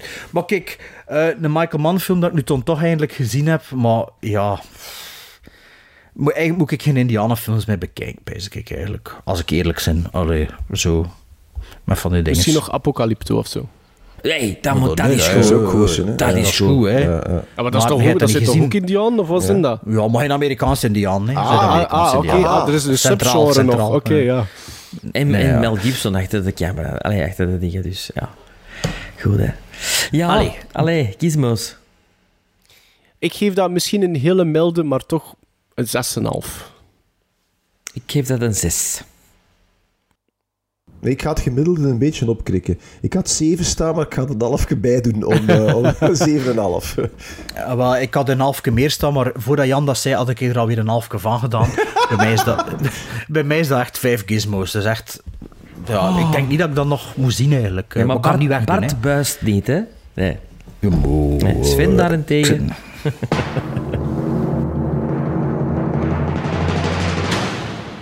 It's not as I imagined it would be, thinking of it in Boston. Frontier is the only land available to people. Out here, they're beholden to none. As a new land was being carved out of an untamed frontier, Just dropped in to see how you boys is doing. one man, defiantly courageous, stood his ground. I thought all our colonial scouts were in the militia. I ain't your scout. You sure ain't no damn militia. One woman, fiercely independent, followed her spirit. My father warned me about people like you. He said, do not try to understand them. Do not try to make them understand you. Thank you so much. They shared an adventure It was a war party. That means they're gonna be attacking up and down the frontier. that took them from the edge of the wilderness He saved us. We're alive only because of him. Are those the actions of a criminal? and into each other's hearts. Why didn't you leave when you had the chance? Because what I'm interested in is right here. You've done everything you could do. Save yourself. Stay alive, no matter what occurs. I will find you. No matter how long it takes, no matter how far. I will find you. Academy Award winner Daniel Day Lewis, Madeline Stowe. The last of the Mohicans. We gaan naar de laatste film. Een film uit 1993, geregisseerd door Brian De Palma. Met in de hoofdrollen Al Pacino, Sean Penn, Penelope Ann Miller, John Leguizamo, Louis Guzman, James Rebhorn en Viggo Mortensen in een klein rolletje. Het is een romanverfilming eh, waarvan het scenario zelf verzorgd werd door ene David Cobb, wat dat een hele bekende naam is. Die heeft onder andere Mission Impossible 1, Stir of Echoes, Death Becomes Her, Jurassic Park en nog zoveel andere films op zijn konto staan als eh, scenarist. Eh, we hebben het over Carlitos Way. En waarover gaat die film? Eh, een Puerto Ricaanse ex-gevangene, vertolkt door Al Pacino, die net door zijn advocaat na vijf jaar in plaats van dertig uit de gevangenis gepleit wordt, zweert weg te blijven van alle criminaliteit en zijn droom in vervulling te laten gaan, want niet makkelijk blijkt te zijn omwille van zijn omgeving. Het was een eh, first-time viewing voor mij. Een film waar dat ik eh, redelijk hard naar uitkeek. Ook omdat zowel Bart als ook Sven daar toch al een paar keer heel lovend over waren geweest in de podcast. Eh, en de vorig, eh, vorige aflevering was eindelijk het moment om die film naar voren te dragen. En die werd unaniem verkozen, zonder enige moeite. Ehm, dus ja, ik ben benieuwd. Het is een film van, ik ben vergeten neer te schrijven hoe lang Brian dat De duurt. Palma. Ja, nee, dat heb ik, dat heb ik, dat had ik 2 gezegd. uur en 24 minuten. 2 uur 24 minuten, Ja. klopt. Yes, dankjewel. Ja. Ja. Jan, Eh, Sven, jij mag beginnen, want jij, denk ik, had die film al heel vaak gezien, hè? Heel vaak, heel vaak. Dat is eh, meer bepaald een van mijn eh, lievelingsfilms. Eh, die staat in mijn top 20 van... eh, Of all times? Of all times, ja. ja. Ehm, ik heb die ook voor het eerst in de cinema gezien. In, in de Kinepolis in Brussel. Eh, dat was toen een periode dat... dat Dat hij naar Brussel ging. ja, ja, omdat er in Antwerpen eigenlijk een soort van ja, hiaat was, of zo. Ja, ja. ja. Herinner ik Eh, eh, mij? eh. Ja, die, de, heile, de heile zalen zijn op een bepaald moment failliet gegaan. Dat was in die Maar dat is dat jaar ongeveer, Ja, 92, 93, 94. En dan heeft het nog een jaar of twee jaar geduurd voor de Kinepolis. Ah, voor het er een eh, multiplex ja, was. ja, opende. Ah. Ja. Is voor mij de, een van de meest quotable films ever. Want ik gebruik met mijn beste maat eh, dagelijks quotes uit Carlitos. Here comes the pain. Eh, zo van die dingen. Maar bijvoorbeeld, hij noemt mij Carlito en ik noem hem Lalin. En Lalin is het personage van Viggo Mortensen. Ehm, ja, ik vind dat dus een onwaarschijnlijk goede film. Dat is voor mij van A tot Z eh, boeiend. Dat heeft een ongelooflijk ritme. Dat is voor mij beter dan Scarface. Waarom? Omdat dat scenario veel beter is dan dat van Scarface. Je voelt aan Scarface dat het scenario geschreven is door een... Door een cokehead. Door een cokehead, Oliver Stone, op die moment. En dit is echt wel by the book. Je- je voelt dat er dingen worden, worden, worden gezet die op het einde eh, een, een, een ontknoping hebben. Allereerste keer dat ik dat zag, ik begon dat niet spoilen, maar was dat voor mij een zeer verrassend einde, omdat ik dat totaal Ja? vergeten was. Ik was dat totaal vergeten. Totaal. Ja, ja, ik ook. Ik ook. Ja, Ehm, ik vond dat ja. heel verrassend, dat einde. Ja, maar nee, hij zei 40 jaar dat hij het voor de eerste keer gezien hebt. Wij, nee, 38. Ja. ja, maar ja. Eh, Al Pacino vind ik hier ontzettend goed spelen. Eh, op zijn Al Pacino is altijd een beetje groter dan... Een beetje, brown, beetje brown face. Ja, maar... Ah, wel, ja. Maar ja, Theo met, met Simone. momenten, momenten een beetje op het randje, hè? Van, van grootsheid toch? Klein ja, en beetje. met, en met stukken, met stukken zo, eh, vind ik de- het ja, altijd... ja, ja, dat is waar. Hè? Ehm, op, op het randje, maar dat heeft hem altijd, hè, dat randje. En soms gaat hem erover en soms zit hem goed op dat randje. Ehm, John Leguizamo, fantastisch. Ehm, Sean Penn. Over, totaal over het hoofd gezien bij de Oscars van dat jaar voor, voor, voor deze rol. Ik denk dat hij er geen nominatie voor heeft gekregen, of ben ik er zijn geen Oscar-nominaties, er zijn Eh, twee niks- Golden niks. Globe, twee Golden Niks Globe nominaties. nominaties. dat is Ja, inderdaad. Dus eh, ja, ik ben eigenlijk alleen maar lyrisch over deze film. Dus ik, ik, ik, ik, ah, ik kan hierover blijven fulmineren. Doe Eh, maar.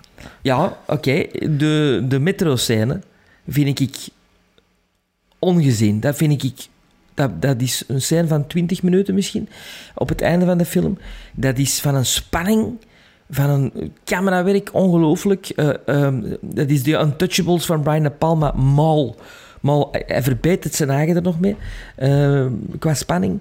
Eh, ja, maar ik, ik wil wat tegenwerk geven bij Olle, dat Olle dicht van dat niet of dat wel. Want ik kan hier alleen ik, zit, nog- Ja. mijn notes aan het lezen. Wie dus zegt dat verder. Met uw korte uitleg altijd. Misschien zijn we het allemaal gewoon eens met u, Sven, wie weet. Ja, ik vind zelfs, ik vind zelfs er, er is zo wat kritiek geweest over de Penelope Ann Miller-lijn. Dat die... Terecht. En ik vind dat hier dus wel romantisch. Ik geloof dat wel en Allee. ik ben wel invested. En in de steen dat hem die deur openbreekt, dan denk ik, ja, ja, goed, tof. Ja, maar, dat is, ja, maar dat, er zijn verschillende... eh, ja, ik kan niet zeggen acts, maar er zijn verschillende eh, emotionele gradaties in, in die rela- eh, relatie. Die scène Ja. waarin, waarover dat jij spreekt, vond ik bijvoorbeeld ook goed. In Ja. tegenstelling tot andere scènes. Ja, Maar ik vind later die wel, daarover ik vind meer. dat- ik vind dat een goede actrice ook, dus ik, ik, vind dat jammer dat die zo wat weggedemsterd is. Maar bon, dat is... Dat is eh. En dan Dat is de haar eigen quotes, schuld, hè. dat is haar eigen schuld. Neck, break your neck like a breadstick. Ik heb gelezen dat er een schuld was. Dat ze Ja? weggedemsterd is. Is echt? Ja. Wat heeft ze gedaan? Ja, ja, ja. Wel, toen was ze samen met Al Pacino op dat moment. En Al Pacino had er naar voren gebracht, de dude voor die rol. Hè, en toen had ze, of tijdens die, tijdens die film en die dan een relatie begon. Maar John Leguizamo had ook twee keer gezegd dat dat echt een bitch was. En ook in zijn boek of zo. Omdat hij het dan later dan een beetje proberen recht te zetten. Maar als je haar filmografie ook ziet. Na Carlitos Way was Word Out on the Streets of eh, Hollywood. En had hij die niet zoveel werk meer gehad, zo eh, links en rechts, zoals de artist, zo'n rolletje, maar niet echt een leading material. En ik denk dat hij het serieus moet uitgangen destijds, denk ik. Hè. Of, of zwangere, kan ook zijn. Nee, maar, nee, I break your neck like a breadstick vind ik een quote. zo Ongelooflijk. eh, dingen. Ehm, ehm, never, eh, never forget your friends, Dave. Ehm, ehm, last call for drinks. Eh, eh, I brought cheesecake. Ehm, de, de, de rolletjes die in Scarface, de, de act- acteurs die in Scarface klaarrolletjes hebben, komen hier ook terug in. Eh, ehm, Sosa, Ieter Sasso. Ehm, eh, ja, de, de, scène, de scène met een biljart in het begin. De spanning die door Hitchcockiaans wordt opgedreven. Eh, fantastisch. Ja, Ja, het is goed, Sven. Ik zal wel overpakken. Ehm Carli Carlitos Way, die had ik laatst gezien op 27 januari 2015. Ik had die geen quotering gegeven, omdat dat een periode was dat ik op Letterboxd geen moeite deed om sterrenquotering te geven. Ehm, maar ik wist wel nog veel van die film, eh, als ik zo even, eh, voordat ik begon te kijken, eh, voor de eerste. Het was natuurlijk ook niet de tweede keer dat ik de film ging kijken. Denk ik hem ja, een stuk of vijf, zes, zeven keer gezien heb ondertussen. Wat ik wel niet meer wist, is Carlito, ja, is dat nu een Zuid-Amerikaanse naam of een Italiaanse naam? Maar natuurlijk, het is snel duidelijk dat Al Pacino een Puerto Ricaan speelt. En Scarface speelt hij een Cubaan. Dus dat is toch een beetje raar dat hij daar niet op afgerekend is. Dus ik had dan opgezocht, was zijn moeder misschien Zuid-Amerikaans? Maar eigenlijk niet. Ehm, dus Toen lag, ja, men, die speelt... toen lag de- men minder wakker daarvan. Dat ja, dat, weet ik. Maar ondertussen zou dat dan toch misschien toch al even de kop kunnen opgestoken. Maar ja, eigenlijk niet. Het is wel tof dat het in de film ook benoemd wordt. Dat ze zeggen, ja, ze denken altijd dat er een Italiaan zit in die dialoog. Ja, juist. Eh, dus dat, dat is wel tof dat dat, dat even herkend wordt. Viggo Mortensen als Zuid-Amerikaan is misschien nog vreemder zelfs dan maar eh, Brando is ook geen Italiaan, hè? En die heeft de Godfather gespeeld. Ja, maar... ik zeg niet dat ik er een probleem mee heb, maar is, ik zeg gewoon dat ik dacht van... Oh, maar dat Brando is er ook nooit op afgerekend geweest. Nee, maar ja, die was voor de indigenous people. Hè. Ehm, ik vond, wat me direct opvindt bij de begingeneriek is hoe goed de Al Pacino eruit... Vooral in die begingeneriek. Als die zo op die brancard, zo die topshots, dan waar ik aan het kijken, dacht ik, hoe oud was Al Pacino? Toen was hij nog maar Ja, 40 of ja. zo. Je zag, het was echt hyper gestileerd, of ik weet niet wat ze gedaan hadden. Zo'n bordje. dat het in de- ja, maar gewoon van, van belichting. Maar als de film begint, ziet hij er iets... Allee, slechter niet, niet maar, maar echt in die nood. En dacht ik van, hoe ziet hij eruit? En toen word ik aan het rekenen, hoe oud ik en hoe zie ik eruit? En allee, ja. Ehm, ja, over de eerste scène, ja, daar had ik iets genoteerd, maar ik zal dat laten vallen. In de rechtszaal? Nee, nee, Dat is niet de eerste nog. scène, Sven. Ja. Nee, nee, ja. Maar inderdaad, de volgende, de rechtszaal. Eigenlijk besefte dan later in de film, is dat Al Pacino totaal niet congruent te spelen hoe dat hij de rest van de film speelt. En op dat moment dacht ik van, hoe Al Pacino en Al Pacino's modus, hé, precies like dat hij een Oscar of een, een prijs in ontvangst neemt. Ik denk zelfs dat die rechter dat ook benoemt. Ja. Trouwens, mooie wie dat die rechter is? van- ja, Paul Mazursky. van- Ja, ja, Paul Mazursky. Ja. De, Ah, ja, de, eh, de regisseur. Ja. Ja, dus eh, dat, dat was zo'n beetje dat ik toen dacht van ja, eigenlijk is dat wel raar. Ik denk dat de Palma misschien juist ook een lijn gepakt had of alle twee. En dat ze zo ja, dat is wel goed. Maar eigenlijk klopt dat niet. Allee, op dat moment valt dat minder op met wat dat personage de rest van, van de film doet. Maar ja, kijk, er zijn een paar van die kleine opmerkingsjes dat ik, dat wat ik had veel tijd toen ik de film gekeken heb. Dus ik veel notas dat ik ga maken voor toch een klein beetje tegenwicht te geven aan het lyrische van Sven. Maar ehm, de volgende noot is inderdaad de, de, poolscène achter de kapperszaak. Ehm, ja, die eh, opbouw, hoe dat, dat gedraaid is, hoe dat, dat gemonteerd is, hoe dat dat... Ja, eigenlijk eh, het hoe dat, dat met dat ritme verteld wordt. De blikken van Al Pacino, je ziet hem kijken naar daar, je ziet een shot van daar. Je ziet hem kijken naar daar, je ziet een shot van daar. En je weet perfect wat er aan het gebeuren is, zonder dat... Allee, het wordt wel uitgespeeld, maar het wordt niet eigenlijk zuiver, zuiver in montage wordt het u verteld. En ja, dat is echt masterclass. Ja, dat ziet. Ik heb dan ook gelezen dat, dat die scène mocht niet zo lang zijn van de producers, maar Brian De Palma had dan toch meer gedraaid dan hij mocht. En bij de, bij de vertoning aan de producers had hij dat echt niet kort gemaakt, die scène. Maar ze hebben er nooit iets over gezegd, gewoon omdat het zo strak gemonteerd is en dat er gewoon een spanningsopbouw heeft van je welste in deze Wat, film. dat, wat dat ook wel En- een, een visie... Allee, dat is ook wel trademark Brian De Palma. Als je die scène alleen bekijkt, moest ik direct denken aan bijvoorbeeld Dress to Kill, moest ik direct denken aan Blowout, Hitchcock. moest ik direct... Ja, maar het is wel B- Brian De Palma, als je dat toch ziet. Ja, ja, ja. Ja. Ja, en een, enorm, en een, een enorme spanningsopbouw, hè. ongelooflijk. Ehm, de score vind ik op mijn moment iets te grand, grandeur, iets te, iets te bombastisch, iets te untouchables met moment. Terwijl dat, gezien de tijdsgeest had misschien iets meer funk, soul, disco invloeden erin wel gewerkt. Je hebt ook veel de nummers. De nummers zitten er wel in, ja, maar eh, behalve You Are So Beautiful, dat vond ik super cheesy, die needle drop met, eh, met, eh, met zijn love Ja, interest ja, daar. ja, dat, dat, dat, dat was, dat dacht van, oh nee, dat, dat hoeft niet. Dat was allee, ook een kleine, klein kritiekje erop. Ehm eh, wacht, Componist is Patrick, Do- Patrick Doyle trouwens, eh, de vaste componist van Kenneth Branagh, die nog altijd, altijd heel zwaar componeert. Eh, Wel, ja, dus je zit wel een ik beetje vond- akkoord. Nee, ik vond bijvoorbeeld in de metro-scène, die, Ja. dat- die, die, een Ja, daar- dat vind ik wel mijn shades, hè. Maar dat is, ja, dat is ook weer Hitchcock hè, op dat moment. Maar ja. zo ja, in ja, het maar begin dat van is de heel film... Bernard Herrmann daar, hè. Ja, ja, Bernard Herrmann. Maar ook als zo na die poolscène zwelgt er daar een symfonie aan. Oh, allee, het mag misschien een beetje meer shaft zijn op dat moment. Zo. Maar allee, het is, het is Wow. detailkritiek. Het is detailkritiek. Ehm, de film is ook gedraaid en belegd zoals dat moet zijn. Ik dacht, ik was er naartoe aan het kijken en ik dacht, ah, zou hij misschien hier zo'n eh, een Steven Spielberg met Raiders of the Lost Ark gedaan en dan zou like Douglas Slow komen, of noemt hij?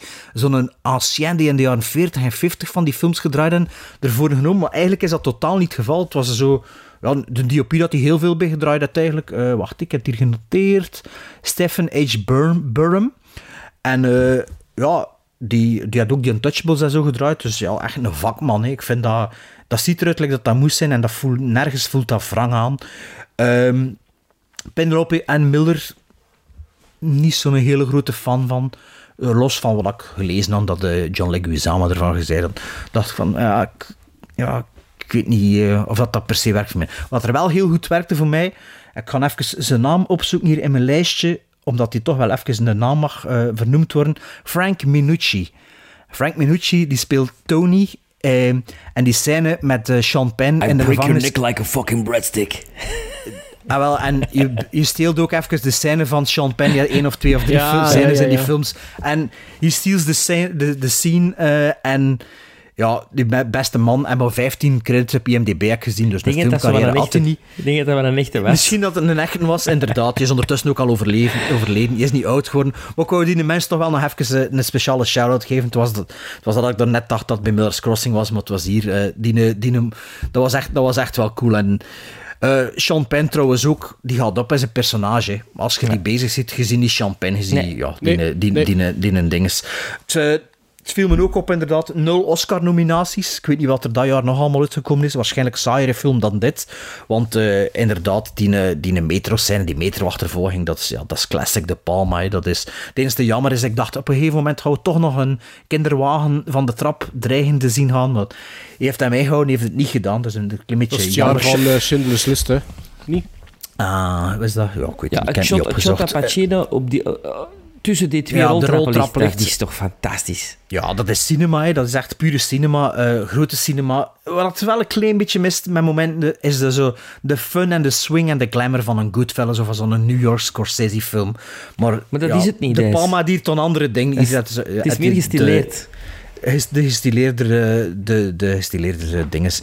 Eh, ik zei vorige week ook nog beter dan Scarface, maar nu dat ik Carlitos Way gezien heb, dacht ik, het is lang geleden dat ik Scarface gezien heb, die moet ik misschien toch ook nog een keer zien. Maar volgens mij duurt Scarface ook gewoon te lang. Dit hier duurt langer, maar het stangt eigenlijk niet zoveel vet aan voor mij. Eh, ja, eigenlijk... Allee, ik ben een klein beetje negatief geweest, omdat dat ook de notas zijn dat ik maar ja, een fantastische film. Heel veel memorabele scènes, quotes ook inderdaad. Eh, en eh, behalve de You Are So Beautiful needle drop, mag de rest er wel zijn eh, in de film. Dus een grote fan van Carlitos Way.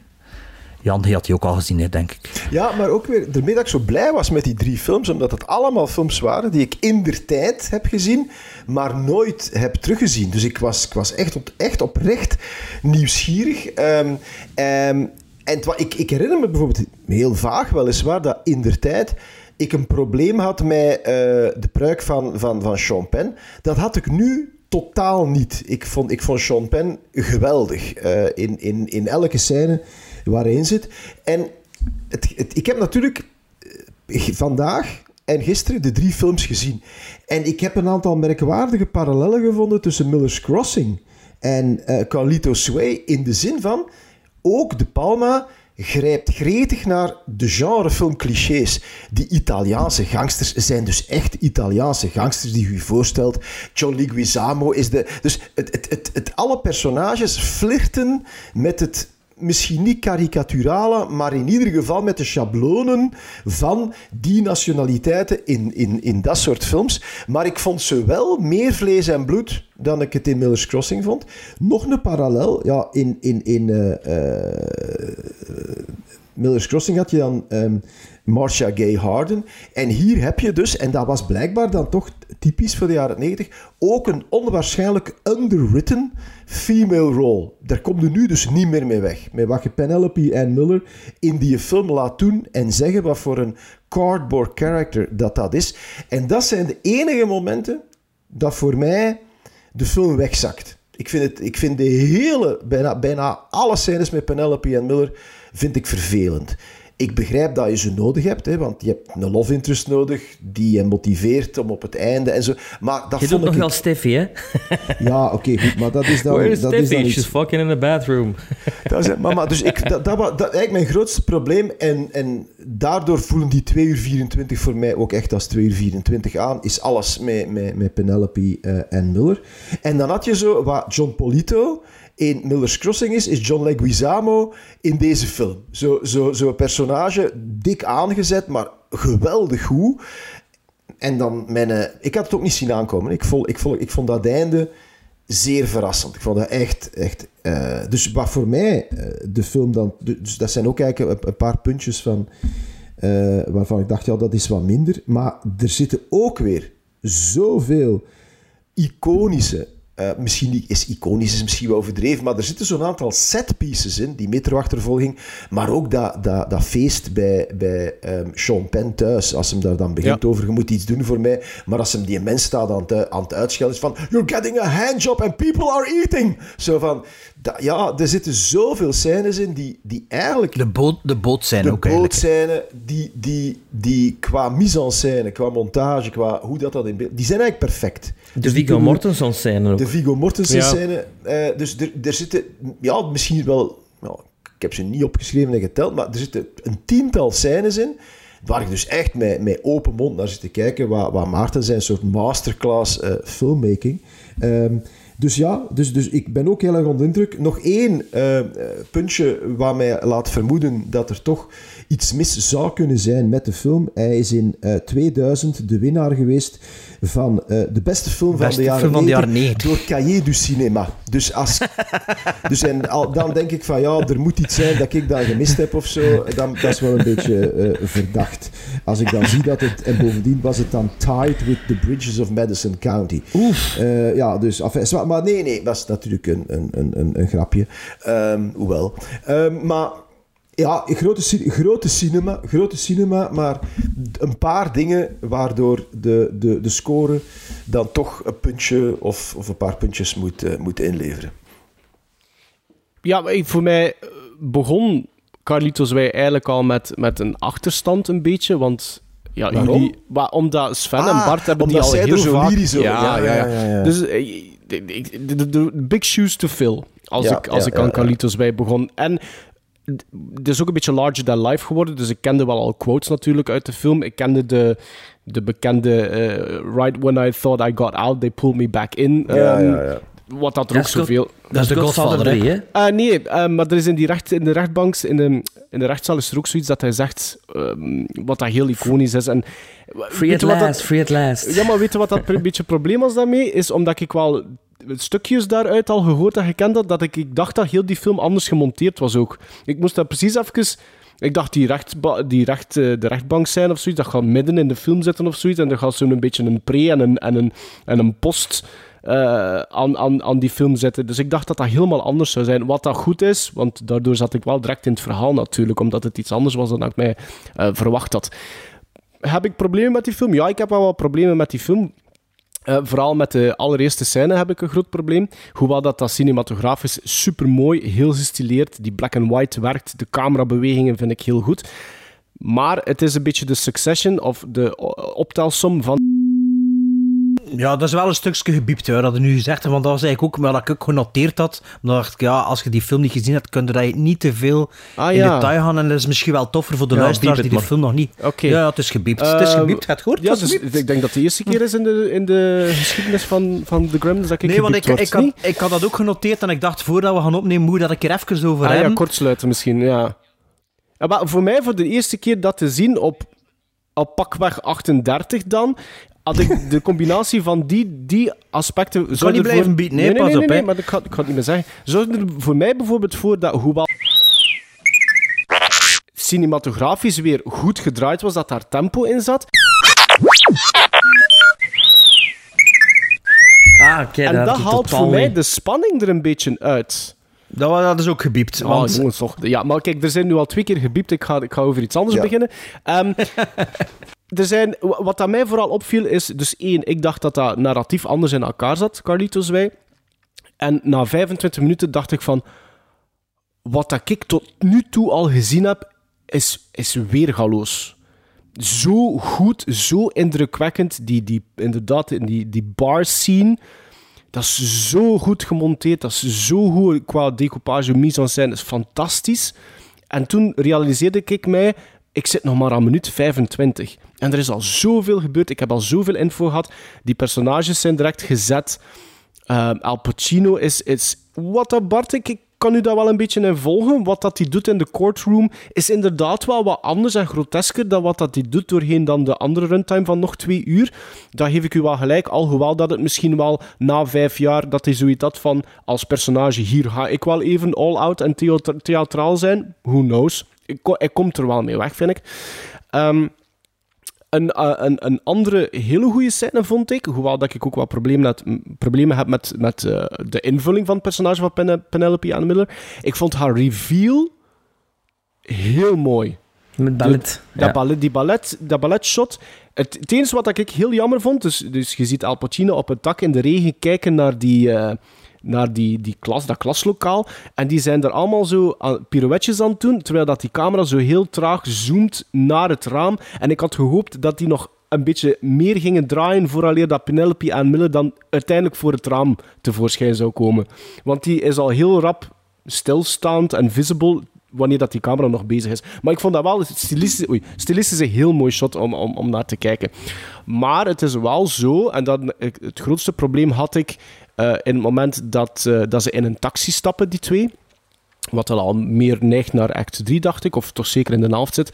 Dan had ik zoiets van, oeh, dat is wel heel kort door de bocht geschreven. Voor een emotionele reactie teweeg te brengen van, eh, bij Al Pacino. Wat dan natuurlijk nodig is om zijn beweegreden te verklaren. Maar het is inderdaad wel, like dat Jan zegt, underwritten. Hè, Hans, dat personage en dat verhaallijntje. ja. Zo, ja. Maar dan heb ik wel dat op een zekere hoogte werkt dat. Zeker de, de, de, initiële eh, herontdekking van die twee. En dan inderdaad, eh, wat Sven ook zei, die, die scène eh, waar dat hij dan de deur in beukt. Ik vond dat wel werken. Ik vond dat wel een goede een goede scène. Ehm, dat zou nu ook niet meer zo geschreven nee, worden. Nee, dat zou nu niet meer zo geschreven worden. Nee, dat klopt. Ik- wat ik vooral vind, is met een runtime van 2 uur 24 minuten, die film duurde voor mij geen minuut te lang. Dat is iets wat daar heel fijn is om te ervaren met een film van 2 uur 24, zeker ook vandaag de dag. Dat, dat ik niet het gevoel had van, er moeten scènes uit, dat moet anders, dat dat beter moeten geknipt worden.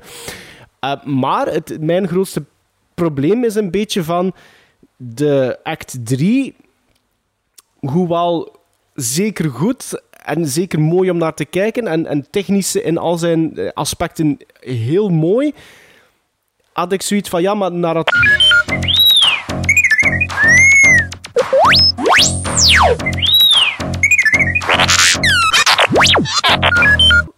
Door, net door die zo lang te bekijken. Maar nee. Jawel. Precies, eh, precies de confetti's hier. Biep, biep, biep, biep, biep, biep, biep, biep, R2D2 hier. Ja, Oké, ik ga dan gewoon afronden door te zeggen van... Het was misschien door de hype... ehm, Van ons. Door, die- ja, maar ja, niet dat dat, niet dat, dat ik moet vind niet dat we er al zoveel gehyped hebben. Ik wel, ik wel, ik zeg niet dat dat moedwillig gebeurd was door jullie, maar het- het- ik had er wel... Ook gezegd, The Last of the Mohicans wordt ook gezegd in de film. Ja, ja dat was dat. Ah ja, dat is waar. Die, die, die, die quote zit er. Ja, er zit een scène in. Ja. Zeg, maar mag ik nog... i- Ah ja, of maar, moet, wordt, wordt die zin nog aan het afwerken of wordt het juist klaar? Nee, ik was juist Nee. klaar, denk ik. Ja. Maar, maar, nee, maar rush Nee, mij maar- vooral, nee, hè. nee, Ja. nee, nee, nee, maar ik wilde nog even iets... Ik was naar De Palma zijn filmografie aan het kijken als regisseur. En eigenlijk is dat wel een heel consistente regisseur, hè? Behalve Ja. op het einde van zijn carrière. Dat Ah, is heel pijnlijk. Domi- Domino en Oh, Passion, oh. dat heb ik niet gezien. Maar ik vind Redacted, The Black Dahlia en dat, Femme Fatale, ik vind dat zeker nog oké, die films. Niet, Jan? Nee, ik was daar. Ik vind dat een heel pijnlijke teleurgang. Die, die Oh, nee. laatste films. eh, Mission to Mars, dat heb ik nu wel niet Dat gezien. vind ik maar heel zo alles, alles ervoor, zelfs Snake Mission Eyes. Mars. Ik is- is Snake Eyes, en Mission. Impossible, ja, Casualties of War. Ja, dan, jawel. Casualties ja. of War is zelfs mijn, een van mijn een geweldige Maar ik vind dat nu niet zo supergoed, maar ik, Ik vind ook, wel Jan. Ik vind consistent. dat een van de beste Vietnamfilms. Ja, ja. Zelfs in een Redacted, in een halve YouTube-film. Ik vond dat zeker oké. Zo ik heb dat maar één keer gezien, maar ik vond dat wel... Allee. Eh, ik wil wel nog even meegeven, een belangrijke trivia. Dat ik ook nog gezien heb op IMDb. Eh, op 31 augustus 1997 eh, ging de film eh, op TV3 in Nieuw-Zeeland getoond worden om 8.30 uur s'avonds. Maar ze hebben hem naar een latere datum verschoven omdat er te veel nieuws was over de dood van prinses Diana. Bij deze. Oké. Vinden leven is jullie- nu plots veel vollediger geworden, nu ik dat weet. Ja. Vinden, Voilà, vinden, ja. vinden jullie ook dat dat wel heel hard eh, tijdsgebonden aanvoelt, in a way, Carlitos Wij? Dat, dat, voor mij is dat zo echt wel late Jaren 80s, 70. early, early 90s. Zo echt wat dat type van film. En ook wel in, in, binnen in het oeuvre van Brian De Palma, juist op dat moment passend. Nee, vind ik niet. begrijp, ja, en ik begrijp wel wat je bedoelt, maar voor, voor mij heeft het dan te maken met, met de, de, de stereotypering van Ja, eh, ja, de. Italianen en, en ook de, die ondergeschreven, En de female die lead. underwritten female lead. Dus dat is heel erg, vind ik, ja, jaren 90. Maar los daarvan vond ik dat nu op enkele Visueel manier en- verouderd ja. of zo. eh, Ja, of, of- ja, ja. Allee, Gizmos dan, hè? Maarten? eh, Nee, hij moet laatst. Ik laatst. Wie moet er beginnen? Ikke? Nee, Sven. Wie moet Ja, er beginnen? Sorry man, dat is voor mij 10 gizmos. 10? Dat is top. Ja, dat is top 20, ik bedoel. Oké, ja. Ja. Oké. Eh, voor mij is dat natuurlijk geen 10 gizmos, maar ik vind dat wel een steengoede film. En dat is eigenlijk wat ik verwachtte toen ik hem inschoof. En was ook, eh, dat is hetzelfde gebleven heel dat film lang. En dat is 8,5 gizmos. Ik ga er toch eentje afdoen. Ik zit op 7,5. Ik zit net op, net op dezelfde quotering. Sorry jongens, ik zit op 7,5. Your Loss, hè, ja. Dat is, ik weet niet hoe je film, Maarten, maar ja. Ik zeg niet dat dat een slechte 7,5 film is is. veel, hè? Ja, ik vind dat... Ik vind Maar dat veel. niet, hè. Maar ik vind dat... Ik, ja, ja ik, Maarten geeft Empire Strikes Back ook geen 10. jij ook niet. Jawel. Ah. ah, nee, wat was Return of the Jedi dat hij 9,5 Nee, geeft? dat geef ik geen 10. 8,5. devolve upon me the painful duty of unleashing upon society a reputed assassin. The prisoner's discharge. Call the next case. You Carlito Brigante, man. You a legend. He's one of us. Puts money in everybody's pocket big time. He was big. Just a tough guy. He just got out of Lewisburg, man. Now I am sitting in jail, wondering where you are, what you're doing, who you with. What was it like inside, Charlie? They get you.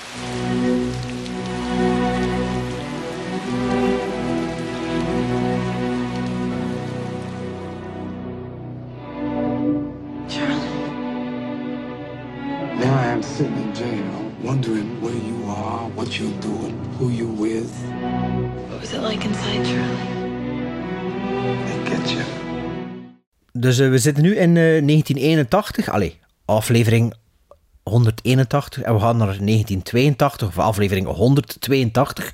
En voor de volgende aflevering blijven we in het jaartal 82. En we doen eh, zoals altijd... eh, kiezen we elk twee films voor de volgende aflevering. Maar met dat we een special guest hebben, Jan mag ook twee films op het einde naar voren brengen, dat we eventueel mee kunnen wisselen. Als joker. Als joker Dat eigenlijk. vond ik ook dat is niet gezegd dat we dat gaan Nee, doen. nee, dat vind ik ook een super toffe opdracht die ik zeer au serieus heb genomen. Je zult wel merken. Ah ja, dat is goed, dat is goed, dat is goed. Ehm, ik heb nou, zelfs voor de verandering een keer een volgorde opgesteld. En Maarten, mag als eerste uw twee films van 1982. En was het ook niet dat hij hem zelf nog niet mocht gezien hebben? Ja, dat is het, hè? Dat is het? Ja, ja, ja. Hij Ah, mocht ja. hem zelf nog niet Ja, dus gezien moesten hebben. twee Dat first-time Maar dat was wel moeilijk voor mij, maar dat is wel een jaar waar ik heel veel heb gezien. Ah, wel, maar daarom hebben we jokers, hè. Ja. Mijn twee first-time viewing eh, films van 1982 is er eentje die ik eigenlijk een tweede kans wil geven, want ik heb die al ooit eens een keer naar voren geworpen. Ah, En- ah. Ja, in een Three of No Kind. ehm, eh, eh, dus in twee van, de- van Three of No Kind films. Ik, ik, ik wil toch nog eens proberen om Missing naar voren te schuiven van Costa Gravas. Een biografisch drama. Sven had dat toch ook al naar voren gebracht, Ja. of niet? Ja, maar ik ook een keer, want ik had hem met een Indicator badge gekocht. En, eh, en ik had een daarop, daaropvolgende aflevering, was het Classic of zoiets. En eh, had ik Missing ook Ja, naar ah, voren. Dus. Jack. Jack Lemmon en Sissy Spacek. Ja, klopt. En Ja. muziek van Vangelis. Ja, dus twee uur en twee minuten gaat over een eh, Amerikaanse schrijver die verdwijnt tijdens de Chileense coup eh, in 73 en zijn vrouw en, en vader proberen die terug te vinden. Ik vind dat, ja, weet je, Jack Lemmon, Sissy Spacek, eh, ja, ik ben direct ja. Dus, dus dat is de film dat ik heel, heel graag eh, zou willen zien. En de tweede, ik was gewoon puur echt aan het browsen van movies released in 1982. En daar kwam een, een, een poster, zag ik een poster van, van een, rode lippen. En ik dacht van, wat is die poster? Ik had dat nog nooit niet gezien. En blijkt dat dat een film is van Blake Edwards. En dan dacht ik van, ah, dat is misschien wel interessant. Blake Edwards, die hebben nog, we nog nooit een film van Blake Edwards, denk ik, besproken in de podcast. Eh, dus dat leek mij al een, een, een, een- een, een, streepje, een streepje voor. En de synopsis gaat als volgt. Een, een a struggling female soprano finds work playing a male female in person, impersonator, Is- but it complicates her personal life. Victor, Victor Victoria, Victoria. is Ja, een van de inderdaad. beste comedies ever. Ah, voilà. Dus Victor Victoria is mijn tweede film die ik naar je dat nog nooit hebt gezien, ja. dan- Nee, ik, had, ik, Ja. ik denk zelfs, Sven, ik, ik denk zelfs dat ik daar nog nooit van gehoord had. Dat is fantastisch. Dat is maar echt het was, die poster is zo opvallend. Dat is, echt, dat is Ja. eigenlijk alleen maar twee alleen een rode lippen dat je ziet met erboven... Ik weet niet, Jan, of dat jij dat... Ik, Ik, vind vond dat, ook zeer, fenomenaal. zeer. Ja, ja, Ja. ik vond het ook. Ah, Veel- wel, ik weet ja, nu niet. Da- Tom Da- zeker, hè, ja. eh. Sven, had Missing, Missing gezien. Ik heb ze allebei gezien, ja. Ja. Maar Morgen ik vind het plezanter om Victor dat Victoria terug te zien. We doen niet veel comedies, hè. er zijn Ja. van die slechte Fransen daar onlangs, maar voor de rest... Dus daarom, ik, ik- en, en zeker Blake Edwards. Ik zou wel een keer iets van ook Blake Edwards willen bespreken. Willen bespreken. Ja? Ja, ja. Goed idee. Eh, ja, dan zal ik hier maar naar voren komen met mijn saaie films. Hè. Allee, als je dat goed vindt, hè Bert? Victor Nee, Victoria. nee, dat is goed. Nee, nee, nee. nee. Black Edwards. Gewoon niet veel mis mee. Hè. Eh, mijn eerste film eh, is een film van 1982 van 116 minuten. En het is een beetje een ode aan Jan zijn film. Een film die ik zelf nog niet gezien heb. Een comedy-mysterie van Sidney Lumet met Michael Caine en Christopher Reeve. Death Trap, waar ik, dat- niks over weet. Ik heb dat gespeeld en geregisseerd. Ah. Ja. Maar niet voor, met Sidney Lumet. Nee, nee. Ik zelf, hè? Ah ja, zelf. Ja, Ja, oké. Als Dus- dat is een theaterstuk, hè? Dus de eerste film, Amerikaanse film, Sidney Lumet, Death Trap met Superman en met, eh met dingen, de butler van Batman. Ehm, ik heb die niet gezien, Maarten heeft die ook niet gezien, of wel? Death Trap? Ja, Sven heeft dat gespeeld. Jan heeft dat waarschijnlijk ook wel gezien. Gezien, ja, toffe film. Ja. Eh, de tweede film gaan jullie waarschijnlijk niet, ge- eh, niet gezien hebben. Het is een film met de Argentijn Federico Lupi. En Federico Lupi speelt mee in Pan's Labyrinth, Chronos, Devil's Backbone en 137 andere films. dus die drie die ik nu vernoemde zijn eh, Guillermo del Toro films. En dan heb ik het over Ultimos Dias de la Victim. Victima. The Last Days of the Victim, victim van Adolfa Aristarian. Een film van 90 minuten, een Argentijnse film. En dat gaat over een hitman. En waarom heb ik die film nu... Is die bovendien ook gewoon op mijn radar. Omdat je speciaal wilt doen. Omdat je speciaal die staat, dus, die staat dus ook op YouTube zonder ondertitels. Dus als je goed Spaans kunt, kun je hem daar ook zien. Ik kan u hem zeker bezorgen, dat heb ik al gecheckt. Maar het is dus een film. Eh Guillermo del Toro, die had... ehm, Guillermo del Toro die had een keer op het BIF een masterclass gegeven of zo. En ze vroegen hem eh, ja, eh, welke film wilde ons, raden ons aan? En toen zei hij, die film. En ik had dat natuurlijk onthouden en opgezocht en opgeslaan. En dat is dus een film van 1982, Ultimos Dias de la Victima. Van 90 minuten lang duurt die film. Kan een ontdekking zijn. De, de, de Federico Lupi, de hoofdrol. En er zijn drie Guillermo del Toro films meegespeeld. Waarschijnlijk omdat hij zo'n grote fan is van deze Argentijnse film. Dus eh, aan jullie.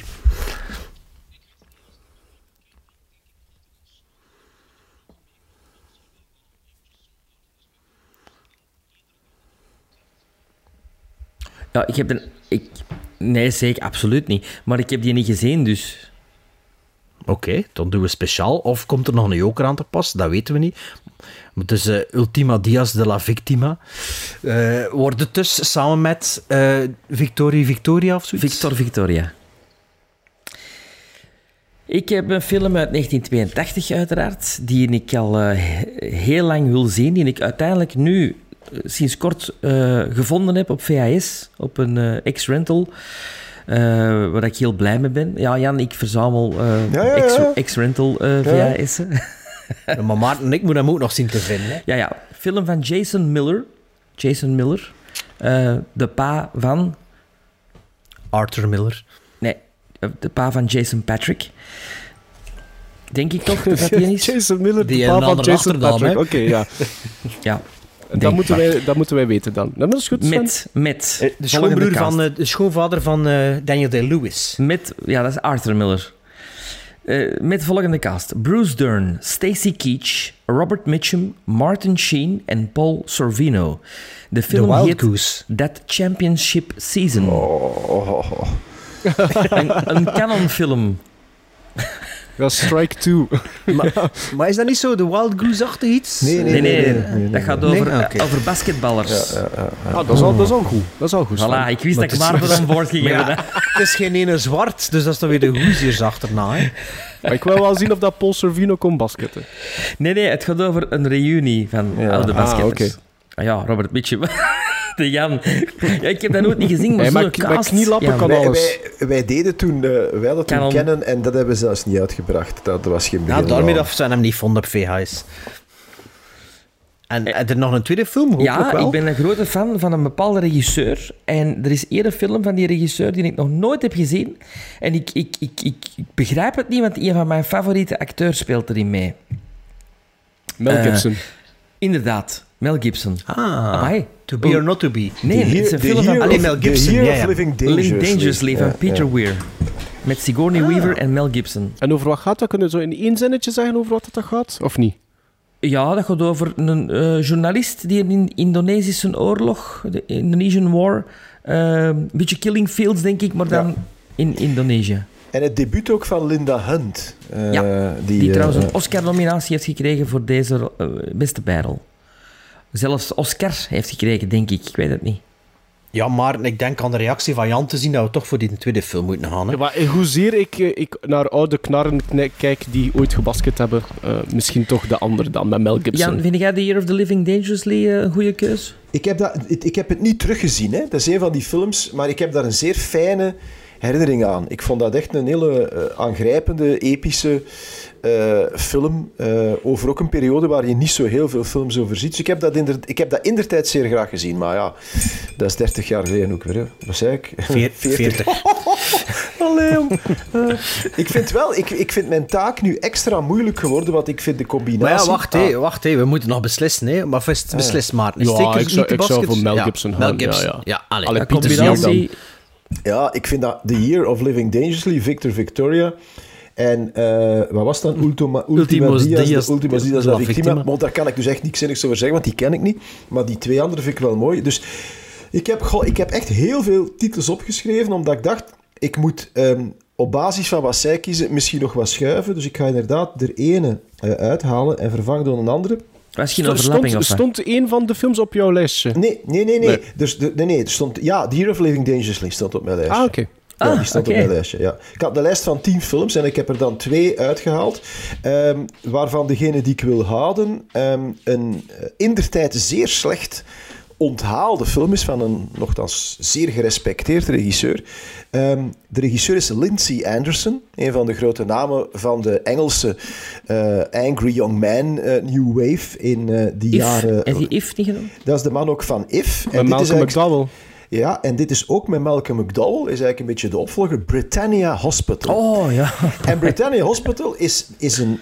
Ja, ik vond dat dus echt heel goed. Dat is een, Is dat niet- een satire over het, op, het, op het Engelse gezondheid, eh, het healthcare system. Speelt zich af in een kliniek waar een staking is op de dag dat de koningin op bezoek komt. En het is echt... Ja, Is dat niet met Mark Hamill ook? Eh, Mark Hamill zit erin, dat is een Amerikaanse journalist van een nieuwszender. Malcolm McDowell zit erin, Leonard Ross zit er. Heel veel van die Engelse karakterkoppen die je onmiddellijk herkent, maar waar je niet een naam op kunt plakken. Het is zeer grappig, eh, verrassend, eh, eh, want ja, Lindsay Anderson zit eerder links van het politieke spectrum, maar in dit geval worden de pijlen in alle richtingen afgeschoten. Ehm, wat ik dan wel dapper vind. Eh, het loopt ook geweldig uit de hand op het einde. Op het einde wordt het een soort Frankenstein-achtig bloedbad. Ik vond dat echt een zeer interessante en wat, maar ik had het nooit, ik had het ook nooit teruggezien. En ik heb hem onlangs op, eh, ik weet niet welke uitgave het was, en ik vond dat echt eh, een revelatie. Het is, Is, grappig. is dat een beetje Whitney en I Nee, nee, nee, territorium nee, of nee, niet? Want dat nee, vind ik nee. verschrikkelijk. Nee, Whitney Live vond ik Volgens ook- mij dat dat- een indicator. eh, Je moet-. Nee, het, ik- nee, het zal Eureka zijn, want If is uitgebracht op Eureka. En ik moet, Ah, die, ja. ik moet die nog altijd zien. Wat, is dat iets, If? Is dat Ik heb If ook teruggezien. Dat vond ik eerlijk gezegd, ik vond dat ook super interessant, maar veel meer een kind van zijn tijd. Terwijl Britannia Hospital, ook al is hij 40 jaar oud, verrassend relevant is. Alle, alle, alle doelwitten van de satire, ja, helaas is, zijn die voor een groot deel nog steeds actueel. Enfin, dus Britannia Hospital van Lindsay Anderson. En dan... ehm, ik had eerst staan Le Père Noël est une Est ordure. Maar de- omdat Bart dan een gemene opmerking maakte over de Franse comedies, eh, dacht ik, oké, misschien niet. En dan ga ik eh, als eh, alternatief Fitzcarraldo van Werner Herzog. Ja. Wat toch ook wel... Die heb ik ook niet teruggezien. Ik heb wel heel Nog die nooit box. gezien. heb Ah, maar gezien. dat is toch... de- en Want ik wil eigenlijk- ook Burden of Dreams Voilà. ook zien. Dus daarmee Eigenlijk- moet, maar eigenlijk- eerst moet ja. ik Fitzgeraldo al Eigenlijk zien. zou hè, je het als ja. een dubbelbill moeten zien. Eerst Fitzcarraldo en dan de, de documentaire over het maken van Fitzcarraldo, Burden of Dreams. Maar Fitzcarraldo gaat dus, ja, is Werner Herzog met zijn, ja, zijn, zijn nemesis en muze tegelijk, Klaus Kinski. En is een film over een, een, megalomane expeditie waarbij iemand een opera wil bouwen in het midden van de jungle.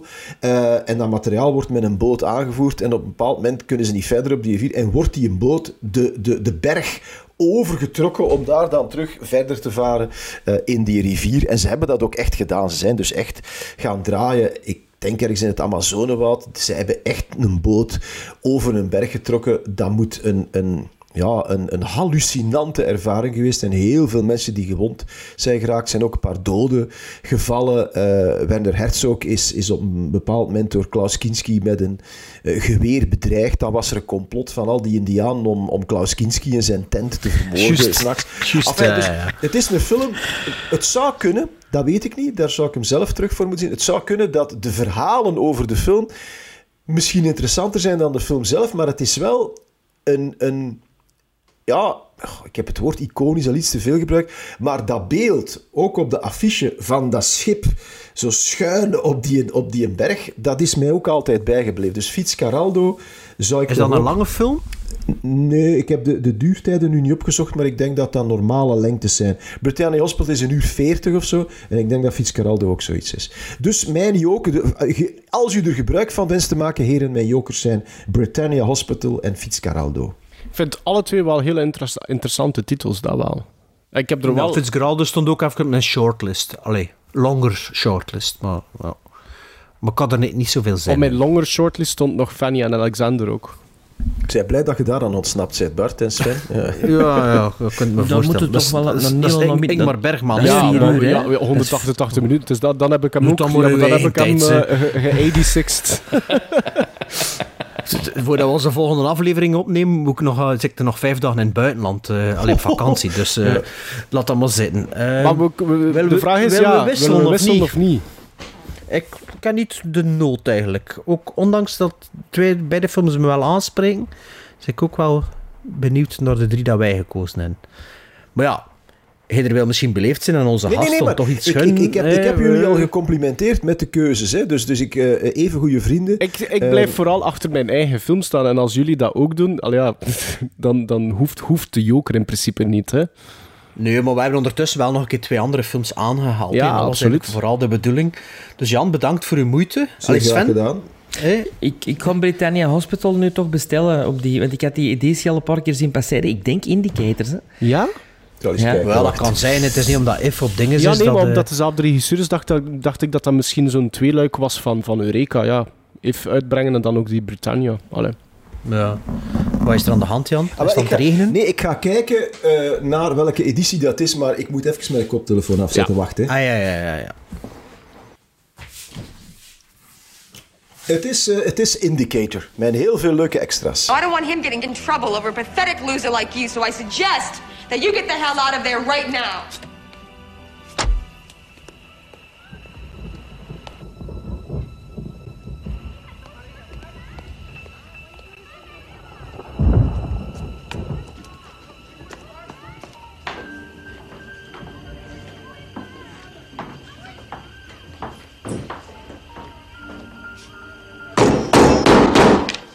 Open the door. Who is it? I warned you, asshole. I bet she looks good in it. I can just see that sweet Open ass. the goddamn door. She don't want you no more, Granddad. Because you can't fuck her like I can. You fucked with the wrong guy this time, asshole. I don't think so. We hebben nu nog een top 3 verzonnen. Eh, voor, de, ja, voor de gelegenheid, hè, omdat we een, een extra man hebben. En ehm, we dachten, ja onze, ja, onze special guest is een eh, Hollywood-acteur. eh, regisseur, Hollywood-regisseur. Dus we moeten natuurlijk wat Hollywood-verhalen zien te, te, tevoorschijn toveren nog in deze aflevering. Dus deze top 3 is top 3 films met acteurs uit The Little Dead. Dus The Little Dead is de Hollywood, het Hollywood-debuut van Jan Verheyen. Ja, en, en ook het enige wat ik daar gedraaid heb. Dat, ja, voorlopig het enige wat ik gedraaid heb. Met Amerikaanse acteurs. en ehm, dus die Amerikaanse acteurs die hebben ook natuurlijk een glansrijke carrière gehad. Voordien en nadien. Dus eh, de insteek is, we doen een top 3 van films. Met, eh, dat, waar dat er minstens één acteur in meespeelt die op de set van The Little Dead aanwezig geweest is, ongeacht of dat dan een gigantische rol is, een bijrol, eh, of dat in, eh, in de film dat ze in onze top 3 zit, of dat dan een grote rol was, dat maakt niet uit. Gewoon als er een verbinding is op IMDb tussen de, de acteurs of actrices, dan telt het. Ik denk dat ik dat voor de gelegenheid toch wel redelijk goed uitgelegd heb. Ik, ik vind het een zeer leuke opdracht. Ik vond het ook een superleuke opdracht. Ah, en heb je zelf dingen ontdekt dat je nog niet wist? Eh, nee, wat te zeggen, ik vond het zelfs bij een aantal van de acteurs zeer moeilijk kiezen. Eh, omdat eh, bijna, alles wat gedaan, bijna alles wat ze gedaan hebben was ook beter dan The Little Dead. Dus er was wel wat... Er was niet zo naar beneden. Little dit niet naar beneden halen, Jan. Dat doe je altijd, omdat je slechte ervaringen hebt gehad op de set. hè. Ik heb dat niet gezien, dus Maar dat is ik, geen slechte film. Dat is een hele... Dat is een basic instinct. Dat is ja, een basic een instinct basic instinct rip-off. van de Aldi. Ja, ja, zo, ja. Maar zo zijn er nog Ja, ik gemokt weet het, die ik weet ook goed zijn. Hè? Ik bedoel, ik, ik vind dat je daar altijd zo wat eh, over doet. En ik, ja, ik Kijk blijf vriend- vriendschap kan Maar, mooi maar zijn. soms, hè. maar, ja, maar, maar, maar soms moet je jezelf downplayen dat niemand anders kan doen. Ja, maar ik Nee, heb die periode de- ook heel bewust meegemaakt van Jan. Ja, en, en, ja. en al die verhalen en al die dingen. En, en ja, ik, ik was daar eh, ook heel hard mee begaan ook toen. Ja, dat is heel lief. Ik weet dat je daar... eh, Maar, en, maar het is wat, wat, wat Maarten ook zegt. Hè. ehm, het is soms beter om het te downplayen, want als je het dan Bart, ziet... Bart, Sorry, Bart, wat. Bart zei. Het, om- het is beter om het te downplayen, omdat als je het dan ziet, dan valt het nogal mee. Ik verwijs naar Carlitos Way, waar Maarten ja, met zoveel bagage aan de start komt, doordat jullie er al over gepraat hebben. En dat is iets heel raar. Je, je, je verwachtingspatroon wordt daardoor beïnvloed. Eh, en daarom Dat is is het ook zo goed om de film zo maagdelijk mogelijk te zien. Ik vind dat ook heel tof. Eh, Ik weet niet wie van jullie het is, dat je consequent geen trailers bekijkt. Ik doe dat ook al lang niet meer. Bart en ik Eh, zelf. ja. Voilà. En wat ik, wat ik ook doe, ik zeg ook altijd dat mijn Piet niet zo groot is. omdat dan ook, dat het dan toch blijkt van, oh, het valt eigenlijk wel nog mee. Ja, Zo, het, is een, allee, het is een raar bruggetje, maar... eh, Ja. Maar qua Ja. downplaying kan Maar dat over, ja, over lullen gesproken, uw nummer 3 Sven, en wie dat je geselecteerd als acteur? De grootste lul van de set, denk ik. Eh, JT Walsh. Over de doden niks dan goed. Hè? Maar ja, Behalve verhalen J.T. die ik dat, dat Walsh. van Jan heb van gehoord van JT Walsh, dat was dat dat such a nice guy. Hè? Geen, geen leuke man. Maar zijn dat verhalen die, die, die ondertussen dat je u, u, u goed in voelt om te delen, Jan? Of, of heb je zoiets van... Ja, ik, dat is een trauma dat verwerkt is. Hè. Dat is ook eh, ondertussen lang Stel genoeg... je voor. eh, ondertussen lang genoeg geleden. Maar ehm, ik, ik was ook jong en... en Want wat was dat? Zes- 96? Eh 93. 93. 93. Het jaar dus- van Carlitos Way Van Carlitos en Way. Mohicans. Ja, ja, ja, ja. en het Fundum. Ja, dus, dus- maar ik was, ik was ja, jong en naïef tot op zekere hoogte. Tegelijkertijd ook wel ja, eh, met de overmoed van, van, van de jeugd. Ehm, ik had één film gedaan, eh, Boys. En ik was, ja, in tegenstelling tot de meeste van mijn, van mijn ja, collega's, zal ik dat maar zeggen, ik was meer zo van een Amerikaanse cinema. Eh, en toen, toen ik dan gebeld werd, want dat was ook ja, out of the blue een telefoontje, ik, zag, ik zeg u in alle eerlijkheid, als men mij had gebeld om Police Academy 4 te komen doen, had ik dat ook gedaan.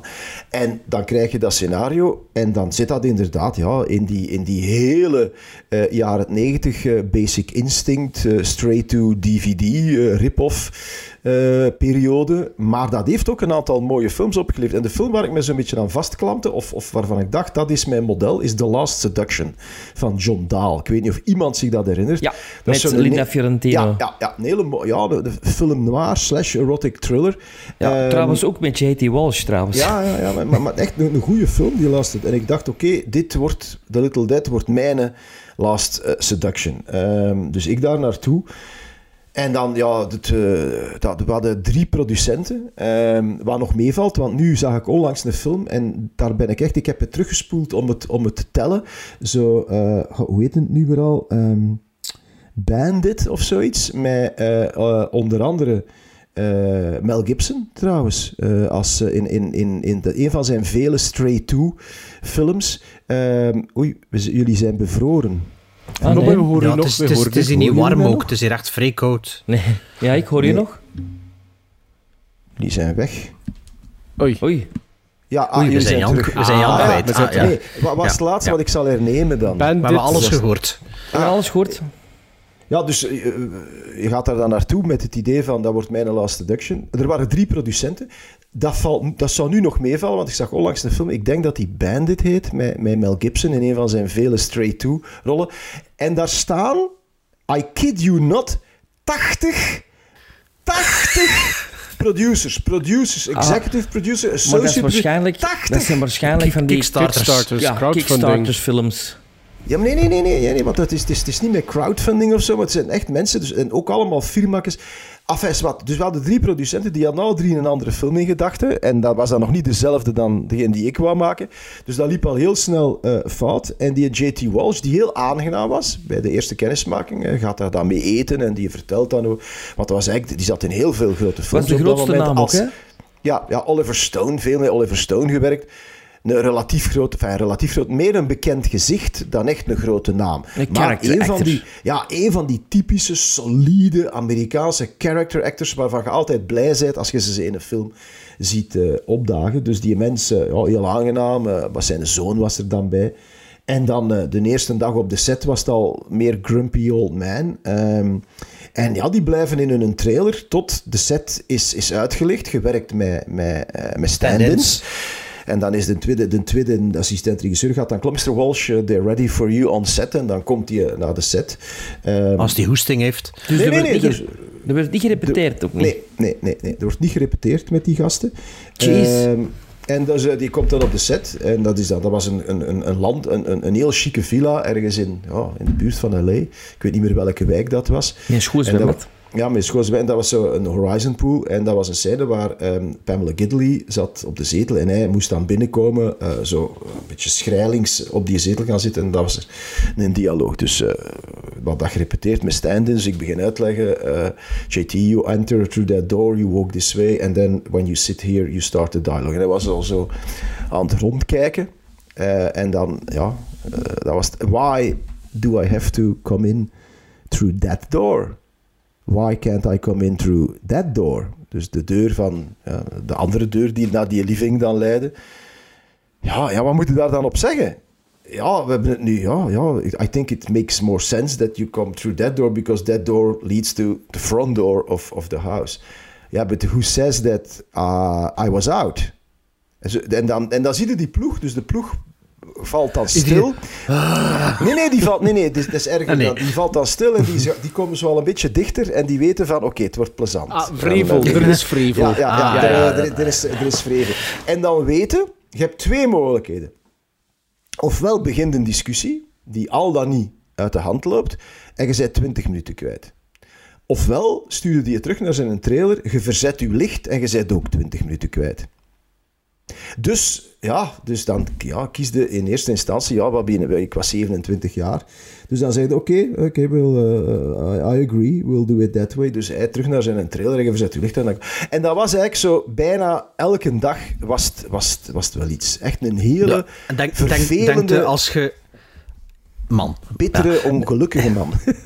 Maar denk je als je omgekeerd gereageerd dat dat ook zo, zo gebleven duurt? Of zo dan... Dat is een test Als je- het, het, is, het, het, is een, Ja. het is een dick measuring contest, hè? Op, Ja, ja, op tuurlijk. Ja, dus... eh, Maar, maar het kan ook een test geweest zijn, hè, voor te zien hoe ver... En als jij op dat moment gezegd van, nee, nee, we gaan het zo doen, Dat was heeft het ge- misschien... ja, dat ik zijn respect had. ge- Ik weet het niet. Enfin, Ja. in ieder geval, dat was geen, eh, geen fijne mens. Maar, Maar- wel een goede, maar een goede acteur. Want als je die film ziet, ja, die, die, die, die denk speelt een beetje op routine. Maar zelfs routine bij J.T. Walsh, ja, dat is toch wel redelijk boeiend om naar te kijken.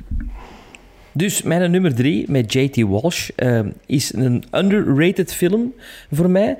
Dat is eigenlijk eh, de goede versie van The Irishman, geregisseerd door Danny DeVito uit eh 92. Hoffa. Toch? Eh, ja. Met Jack Nicholson en met Danny DeVito en met J.T. Walsh, third billing in de film als Fitzsimmons. Ik vind dat een... Hebben we dat ooit besproken? Nee? Nee, maar Lansky hebben we gedaan. Lansky hebben we ja. Ja, Lansky en Fist hebben we, een van onze eerste afleveringen trouwens, wat ook over de vakbond en de union. Mhm. Ja, Maar ja. Jack Nicholson speelt daar Hoffa eh, op een fantastische eh, wijze. Eh, beter dan dat Al Pacino tegen dan in The Irishman, vind ik persoonlijk.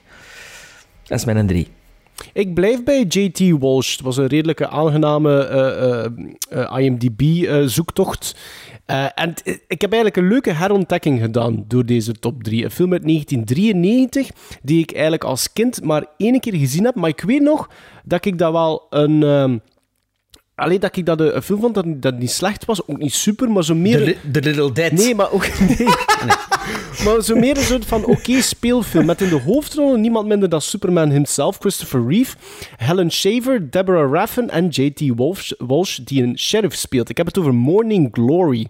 En over wat gaat Morning Glory? Ken ik zelfs niet. Ja, dat gaat over het personage van Christopher Reeve, die een ex-gevangene speelt, veroordeeld voor een moord, die in de jaren 40 neerstrijkt in een klein dorpje. Die gaat dan in op een advertentie in de krant om een vrouw te helpen op haar boerderij, die al twee kinderen heeft. Die is zwanger van een derde. Als ik me goed herinner, haar, haar man is gestorven of die is weggegaan. En Christopher Reeve wordt plots opnieuw gearresteerd voor de moord op de allereerste vrouw die hij ontmoette. Een eh serveuse, een waitress genaamd Lula, die de reputatie heeft om wel losbandig te zijn. Een film van, denk ik, een uur 30, een uur 40. Ene keer gezien. En ik zag die, die, die, die IMDb-credit, ik zag die poster en ik dacht van, ja, ik weet daar nog eigenlijk nog redelijk veel over. Of zoiets van, dat was zo'n een, een, een, een, een, een flashback even naar... eh, waarschijnlijk in het weekend ooit opgepakt op een vrijdagavond. Ja, het is, het is meer een speelfilm, tv-film Ja. dan echt... eh, maar ik weet dat nog goed, dat was zo'n film toen dat ik alles oppakte wat ik maar kon oppakken op VHS. En in het weekend bekeek ik dan al de films die ik had opgenomen. En Morning Glory was er zo één van. Ik vermoed Ja. van de BBC eigenlijk ooit opgenomen op een vrijdagavond of een zaterdagavond. Maar de leuke... Ik, ik keek naar de IMDb-score, kreeg 6,8. Ik ging dat tussen de 6 en de 7 ook gecoteerd hebben in mijn, in mijn geheugen. Dus Morning Glory daardoor een leuke herontdekking op nummer 3. Eh, mijn eh, nummer drie film is eh, niet met de J.T. Walsh, maar wel met de acteur die Paul speelde in The Little Dead. En Jan, wie speelde Paul in The Little Dead? Wie speelde Paul in de litter? De, eh, dat ik het niet weet. Wie, wie is Paul ook weer? D.W. Moffat. Ah, ja, ja, die W. Moffat begot. Ja, dat was ja, meer een Nee. D.W. Moffat, eh, iemand die ik totaal niet kende, maar dankzij IMDb ben ik er nu volledig mee, eh, mee op de hoogte van zijn carrière. Hij speelt ook Jeff Sheridan in een film. In een film van, ik heb het jaar nu niet genoteerd, maar ik denk 2000. ehm, van een regisseur die datzelfde jaar een andere film uitgebracht heeft, namelijk Aaron Bronkovich, maar ik heb het over Traffic. Tra- D.W. Moffat speelt de rol van Jeff Sheridan in Traffic van eh, Steven Soderbergh, dat dus eh, deze film maakte tussen Aaron Bronkovich en ehm, Ocean's Eleven. Eh, een beetje een vergeten film al, denk ik eigenlijk. Toen dat die uitkwam, was dat wel... Ik ken die, dat dat is misschien mijn eerste eh, Steven Soderbergh film dat ik gezien heb, want ik zat toen ja, op kot en ik heb die in de cinema Door de gezien. critici heel warm onthaald, hè? Traffic Ja, en- kreeg heel goede kritieken, ja, ja. hè? En ook wel Ja, wat ik Oscars, denk ik. Kees Rap is Ja, ja, ja, dat denk ik ook. Ja, inderdaad. Zo'n beetje crash ook, hè? Zo dat... Ja, het is eh, een, een verhaal voor zo... eh, Vier dat? Oscars. Vier Oscars gewonnen. Gewonnen, ja. Ja. Het is eigenlijk een soort eh, mozaïekverhaal die misschien wel op een gegeven moment samenkomt, dat weet ik nu niet meer. Er had dan ook zo Amores Perros in die periode, dus... Ja, Waaronder, eh, waaronder zelfs Babel. beste film. Oscar beste film. Supporting Gewonnen? Act- ja, ja, gewonnen. Best Picture Ah, ja. 2001. Ziet? Actor, Voilà. actor in a supporting role voor Benicio del Toro. Ja, ja. Regisseur Steven Soderbergh. En eh, een writing, eh, writing eh, de screenplay van Stephen Gaghan. Dan is het echt wel een vergeten film. Als ik Ja, ja. beste film en dat niet meer weten zelfs. Ah nee, sorry. D.W. Moffat is niet genomineerd. genomineerd voor beste, beste film, Ah, ja. maar winnaar Ah, niet voor- gewonnen. eh, niet gewonnen, maar genomineerd. Oscar voor supporting role, director, writing en editing. Enfin. Dus waar gaat over Traffic nu? Het zijn eigenlijk drie hoofdverhalen. Eh, Michael Douglas wordt het hoofd van de narcotics of de, of de CIA, zo'n afdeling van, van de drugs eh, dinges. Maar zijn dochter is eigenlijk ook drugsverslaafde, dat die gaandeweg ontdekt. Er is een eh, vrouw die ontdekt dat haar man eigenlijk een drugsbaron is. En de derde is denk ik het verhaallintje van Benicio, del Toro. En wacht, ik heb hier ergens geschreven. Ja, eh, net over de grens in Mexico staat de integere regisseur Javier Rodriguez voor de onmogelijke taak zijn job uit te oefenen, terwijl zijn collega's zich voortdurend laten omkopen. Dus de drie verhalen, wat ik me ook nog herinner, is dat elke verhaallijn zijn eigen grading en kleur had zo, waardoor dat je altijd duidelijk wist van, het zit nu hier, het zit nu hier. Een beetje een onderschatte film en duidelijk ook vergeten. En een glansrol van D.W. Moffat, waar Jan misschien nog heel veel verhalen over Nee, kan want dat vertellen. was, die, die, die W. Muffet, ik vind het sympathiek dat je die... Want ik was die eigenlijk al een beetje vergeten. Die heeft ook een kleine En dat is echt zo een beetje een, het type van de anonieme bijrolacteur. Eh, die W. Moffat die heeft ook zo zo geen gezicht dat je je, je specifiek herinnert of zo. Die, altijd, die was wel zeer goed voorbereid, eh, geen gezeik. Eh, Zo'n ja. acteur die heel goed met een volle plateau kan wandelen. Een working actor, een working actor. Dus veel credits neem ik aan ondertussen op, op IMDb. Als we- 100, en- 119. Allee, kijk, dat, dat zei de, een working actor. Ik heb, op, ik heb op drie... Het is wel grappig dat we alle... Al, we hebben al, ik heb nog een andere acteur die nog niet genoemd is, namelijk Philip Baker Hall. Nog niet zo lang geleden gestorven. Die komt misschien nog. Over character actors gesproken. Zo ook iemand die je heel graag ziet verschijnen. Een carrière van voornamelijk bijrollen. Maar hij had de hoofdrol in de debuutfilm van eh, Paul Thomas Anderson uit 1996. Eh, Sydney heet die film, bij ons uitgebracht als Heart Eight. Speelt zich af in, in Las Vegas. En eh, Sydney, eh, rol dus van Philip Baker Hall, is zo'n man, ja, zo'n beetje een eminence grise in die casino's, zo wat een regelneef, een beetje een eenzame man, die dan, eh, en die ook een vriendschap heeft. in het begin van de film begint hij een vriendschap met John C. De Gwyneth Paltrow is de vrouwelijke hoofdrol. Philip Seymour Hoffman loopt er rond. Samuel L. Jackson, dus eigenlijk best wel Oh, een- grote cast, eh, voor, eh, voor een debuutfilm. Van de regisseur van Phantom Thread ook. Ja, ja, goed, inderdaad. Het is helemaal fout gelopen op het einde dan. Maar, maar, maar alleen, en dat is... Want ik had dat nooit gezien, dus ik heb het pas recent voor het eerst gezien. En dat is echt een mooie film. Dat is een mooie, kleine film. ehm, met een echt zeer mooie hoofdrol van Philip Baker Hall. Vandaar dat ik die op drie heb gezet. Wij hebben ooit Speelt eens ook de film... Magnolia, zeker, hè? Ja, ja. We hebben ooit eens de film met Philip Baker Hall eh, besproken. De monoloog. Eh, Nixon. Nee, Een, ja. een monoloog eigenlijk, hè? dat hem eigenlijk niks ontspeelde. Ja, ja inderdaad. heeft Ja, noem nu die film weer. Ja. Ja, ik ben hem ook eh, tegengekomen terwijl ik op zoeking aan toe was. Maar Dat was geen, Al, was geen Robert Altman film. Volgens mij wel. Ja, toch? Ja. Ja. ja. Ga eens kijken. Maarten, heb jij nog een acteur gevonden in The Little Dead? Of actrice? Ja, ja, ja, ja, nee, het is aan Sven. Ah, Sven. Ja, Sven. Oei, sorry, sorry. Ja. Jan, ik wil wel nog eerst even iets vragen. Omdat Ja. ik... Ik heb wel een ontdekking gedaan met terug de Little Death eh, cast Ja. te bekijken. Richard Beamer Ja, ja, ja. Die zat daar in The Little Dead in. Ja, dat was zo'n fijn. Richard Beamer Tony is... van West Side Story. Ja, dat is de, de, ook, Ah, ja, ja, ik heb dat ook gezien, ja. En dat was zo'n fijn... Dat was echt de fijnste mens, vond ik. Dat was eh, een heel aangename man. Maar wiens hoe carrière- die gecast? Maar die zijn, je werkt in, in... Want je, er zijn zo, je hebt zoveel acteurs. Het aanbod is daar zo overweldigend. Dus je werkt met een casting agent. In mijn geval was dat eh, Mali Finn. Eh, haar dochter doet nu heel veel grote films. Shari Mali Finn. Anyway. Ehm, en die, die stelt dan allerlei mensen voor. En ehm, zij, stelde, zij kwam dan voor de rol van de, de, de, de procureur. Want er is ook een vrij grote rechtbankscène. Mhm.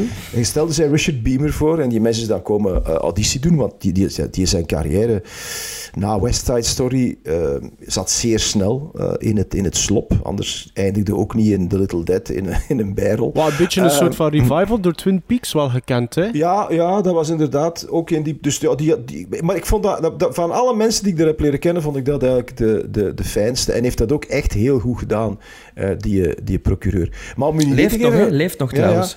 ja. Eh, eh, de, de, Dus, de, dus als je terug naar Hollywood gaat... ja, dan ga ik hem terugcasten. Maar het, het aanbod... Er zit bijvoorbeeld een scène die zelfs niet eens de montage heeft gehaald. Maar dat zal ik eigenlijk nooit vergeten. Er is zo één onnozel scène in een parkeergarage. En omdat zo'n onnozel scène is, heeft ze ook de, de montage niet gehaald. Dat er zo een, een jumpscare zit. Hè. Zij, Pamela Gidley, zitten naar een auto. En dan wordt er op het raampje getikt. En dan wordt er verondersteld te verschieten. En dat is dan iemand die in pand staat en die de zin moet zeggen... Do you have jumper cables? Heb de, heb de startkabels? Dan denkt je van, ja, pakt iemand hè, die, dat, die dat komt zeggen. Daar hebben wij een halve dag audities voor gedaan. dus dan komt daar dus een défilé van mensen. Heel die wachtkamer zit dan vol en die komen binnen. En je zit daar dan aan tafel met je casting agent, met een van de producenten. En Wie zat er nu? Enfin, dus met vier mensen. Dus die mens komt binnen, hi, die geeft iedereen een hand. Zijn resume met, met zijn headshot. En dan gaat hij van voor staan en dan zegt die vrouw, yes, eh, go ahead. Do you have jumper cables? Thank you very much. En, En de volgende. Bij, bij ons, bij ons zat dat een algemene opnameleider. Ja, zijn die dat dat even mag doen of zo. kom, echt- doe je dat een keer. Echt, echt zo maf. En dan zitten daar, ja, we moeten nu... Ja, die zijn allemaal goed, hè. Die, zijn- die zijn allemaal goed. Iedereen die daar binnenkomt, is eigenlijk... Ja, zijn allemaal goede acteurs. Anyway, dus... ehm, Dus maar Richard Beamer, dat Ja, wil ik even nog Richard eh, zeggen. Beamer, ja. Maar dat is niet de acteur die ik gekozen heb. Ah. Ik heb wel Dwight Yoakam eh, gekozen. Ehm, die denk ik toch wel in The Little Dead, een van zijn eerste... Speelt. Ja, een van- hij, had al, hij had al gespeeld en ik denk dat dat ook in de periode was van zijn, ja, wat ik dan zijn doorbraakfilm zal noemen. Waar ik nu natuurlijk ook weer niet kan opkomen. Maar het was Sling, een zanger. Slingblade. Slingblade. Ja. Hij, is, hij, is, Slingblade. hij is in Amerika een zeer bekende country Nog steeds, hè? Ja, Nog ja, hij is, hij is- Ja, echt een absoluut. grote ster. Dat is echt een grote ster, maar Wel- vooral bekend als, eh, als zanger. Ja, en Dwight Yoakam heeft toch wel in hetzelfde jaar van The Little Death een film gemaakt met J.T. Walsh. Ah. Oeh, een crossover. Een was dat, crossover. was dat Morning- Slingblade? Morning Glory. Was dat nee, Sling- nee? geregisseerd door de regisseur van The Last Seduction, John Dahl. John Dahl. Oké. Een fantastische film. Een vergeten filmpje in het oeuvre van de hoofdrolspeler. De hoofdrolspeler is Nicolas Cage. Dennis Hopper staat er ook in. Het is de film Red Rock West. Ah ja, dat hebben we nog uitgebracht. Ja, Ja. dat is juist Red Rock Dat is West. een hele toffe Je hebt film. dat al een keer vernoemd, volgens ja, mij ook. Over een gast die eigenlijk eh, in, een, in een dorpje komt, Red Rock West. En op een of andere manier in situaties verzeild geraakt dat hem uit dat dorp weg wilt, maar dat hem altijd terug in dat dorp belandt. Door omstandigheden. Ja, ja. En dus daar zitten Dwight Yoakam en J.T. Walsh in. Voilà. Cool. Mooi. Cool. Double whammy. Cool. Eh, mijn nummer twee had ik eerst een, een, een, een, een redelijk eh, tof tekstje uitgeschreven tot ik mij besefte van ik ga een keer op Letterboxd kijken en we hebben die film niet alleen al aangehaald, maar ook besproken een keer. Dus ik dacht van ja, die ga ik dan eh, niet nemen. Dus kwam ik eh, ook bij Dwight Yoakam terecht. Ja, maar ja, welke film was Class dat? of je dan 1999. Ah ja, met Pam Grier. Met Pam Grier. Ja, en, en Patrick, de GSB-favoriet, Patrick Kilpatrick, Bart. En wie, en wie, Ah, zit, en zit daarin van... eh, eh, zit Dwight Yoakam erin in Class of 1999? Of wie zat er dan in van de? Eh, Brent David Fraser. Ja, maar dat is, dat is iemand anders. Ik denk, je hebt Brent David Fraser is niet Brent Fraser. Nee, Brent Nou, David Fraser. Ik heb erop geklikt, op doorgeklikt. En die zit in klasse als Flavio of Flavio. Ik weet niet meer juist. hoe Heeft dat- hij, ik wist niet eens dat hij een, een middle name had. Is niet, want je hebt, je hebt zo Brandon Fraser. Ja, die Brent ken ik. Fraser. en ja, nee, maar je hebt, je hebt zo... Want je hebt hè, dus Brandon Ja, maar dan heeft Fraser, IMDb de- misschien een fout gemaakt, hè, Jan? Want ik, Ah, maar, maar die is dat, dat- ah ja, maar het zou kunnen dat hij op een bepaald moment Hoe David... heet dat oeuvre niet, heet dat niet bij de hand altijd, eh, die oeuvre van... eh, Nee, nee, ik moet ja. zeggen dat, wat volgens mij, kort na de Little Dead heeft hij het acteren voor bekeken gehouden, dacht ik, en werkte hij in een elektronica-winkel op die, eh, die heeft nu nog redelijke... Allee, op zijn IMDb-page zo foto's die... Ja, waarin het toch een iets, iets oudere heerschap al is geworden, maar Allee, toch nog blijkbaar werkt. Ja. Oh, maar dat doet mij geweldig veel plezier. Was dat een was- toffe gast? Doe, ah, doe, hem de, doe hem de groet niet maar. Ja. Was dat een Heb je toffe nog gast? contact met iemand, Jan? Wat zeg je? Heb je nog contact met iemand Nee, van... nee, nee, nee, totaal nee, niet. Dus Maar ja, Class of is dat- 1999, maar ik heb dat dus eh, nee, dat hebben we achterwege gelaten. En ik ben eh, voor eh, een film uit 2002 gegaan, omdat dat misschien een mindere film is van het oeuvre van een bepaalde regisseur. Maar dat is, altijd, dat is al niet zeker niet slecht. Ik heb het over Panic Room uit 2002 van David Fincher. Eh, met als verhaallijn dat de recent gescheiden Jodie Foster met haar diabetische dochter Kristen Stewart belaagd wordt wanneer ze in New York een huis gaat bezichtigen. Er zijn namelijk drie criminelen die op dat moment besluiten in te breken, want die zijn op zoek naar geld. Het tweetal besluit zich op te sluiten in de panic room van het huis, maar blijkt nu dat dat net de ruimte is waar de bad guys moeten zijn. Dat is Geschreven zo'n door... film die ik altijd... Ik, ik verwar die altijd met Flight Plan. Ik weet niet waarom. Maar dat is ongeveer in hetzelfde Omdat jaar Jodie is, denk ik. Dat, die, ja, die maar ook schelen zo niet. zelf... Moeder-dochter, zo. Ja. Ja. Flightplan is wel wat later, volgens mij. Ik denk, ah, en, en ik, ver, en ik, vergelijk, ik, ik mis altijd met Flightline Red- met Red, Red Eye. Eye. Met, Met Cillian Murphy, ja. Ja. Ehm, maar Panic Room, eh, Panic Room eh, onder andere, ehm, trouwens ook geschreven door die David Koop. Daar is hij weer, na Carlitos bij. Met ook nog dus Forrest Whitaker, Dwight Yoakam, zie daar de link, en Jared Leto. Als ook Belg Patrick Beauchot, door mij Ah, ja. best gekend door de Reeks Carnivale in, in, in rollen van eh, Panic Room. Maar dat is zo... Een, dat wordt zo'n beetje aanzien als een, een tussendoortje van David Fincher. Maar ik vind dat wel een leuke Ja. thriller die goed wegkijkt. En daarom wou ik die toch op nummer 2 zetten. Popcornvertier, hè, Ja. popcornvertier. Mijn acteur, die speelt Bobby in The Little Dead. En wie speelt Bobby, Jan, in The Little Dead? Maar ja, zeg, Bobby. Is, Maar dat, ja, maar is, ja, het is uw is, film, dat niet, is dat niet Brent Fraser dan die Bobby speelt? Dat is Dwight Yoakam. Ah, oké. Dwight Yoakam, die speelt ook mee in een film als Warden Burns. En het is een Ah! film met, met Shannon Tatum, Ja. Adam Driver en Daniel Craig van de aforementioned Steven Sonderberg. Dan heb ik het over Logan Lucky. Een film dat we in aflevering 138 ook al eens aangehaald hebben. zat in jullie Dus, top 10, denk ik, van dat jaar. Nee, van mij niet. Want Ik heb er nog nooit niet gezien. Oh, Eh, dat is een leuke, leuke misdaadcomedie over een, eh, een roof op een Nas, Nas, NASCAR, NASDAR, NASCAR, NASCAR, NASCAR. NASCAR race. Ehm, een beetje Ocean's Eleven territorium. Eh, heel lichtvoetig. De eerste keer dat ik die gezien heb, want daarom staat hij niet in mijn top 10, was eh, op Filmfestival van Gent op een dag dat ik vijf films na elkaar gezien heb. Dus dat was zo'n beetje een soep aan het worden. Maar toen ik hier keer echt, dat was nu een keer echt zo'n film, ik was aan het scrollen op Netflix en ik dacht, ik zal die nog eens opzetten. En eigenlijk van de eerste tot de laatste moment van genoten. Dus ik dacht, ik zal die film toch nog eens aanhalen, omdat Logan Lucky uit een klein filmpje, maar toch heel plezant en met de nodige star power eigenlijk toch onder de radar gebleven. Dus eh, Dwight Yoakam, Shannon Tatum, Adam Driver en Daniel Craig, Logan Lucky van Steven Soderbergh. En Julia Roberts ook of zo? Ik weet niet, nog een vrouw. Maar die, staat die staat bij mij ook op twee. Ik vond dat echt Ah. een van de meest onderschatte eh, en onterecht genegeerde films van 2017. Die, dit is echt, 17, ja. Ik hou van heist movies. eh, en dit heeft terug de... Wat, wat je de vergelijking maakt hè, met Ocean's Eleven. Dit heeft terug die, die lichtvoetigheid, die speelsheid, dat heel slimme scena. Ik was daar echt... Ik vond dat echt geweldig. Want naast de namen die jij opnoemt, is het inderdaad ook nog met Katie Holmes, Seth MacFarlane, Ah, Katie Holmes. Sebastian Stan, eh Leanne Rimes en Hilary Swank. Dus het is echt, from top to bottom, zijn het allemaal eh, grote namen. En hij is dus inderdaad eh, Dwight Yoakam, Warden Burns. Logan Lucky, echt een zeer leuke film.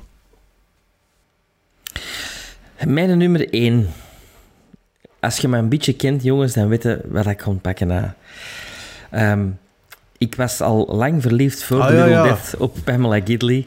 Krieken, krieken, krieken.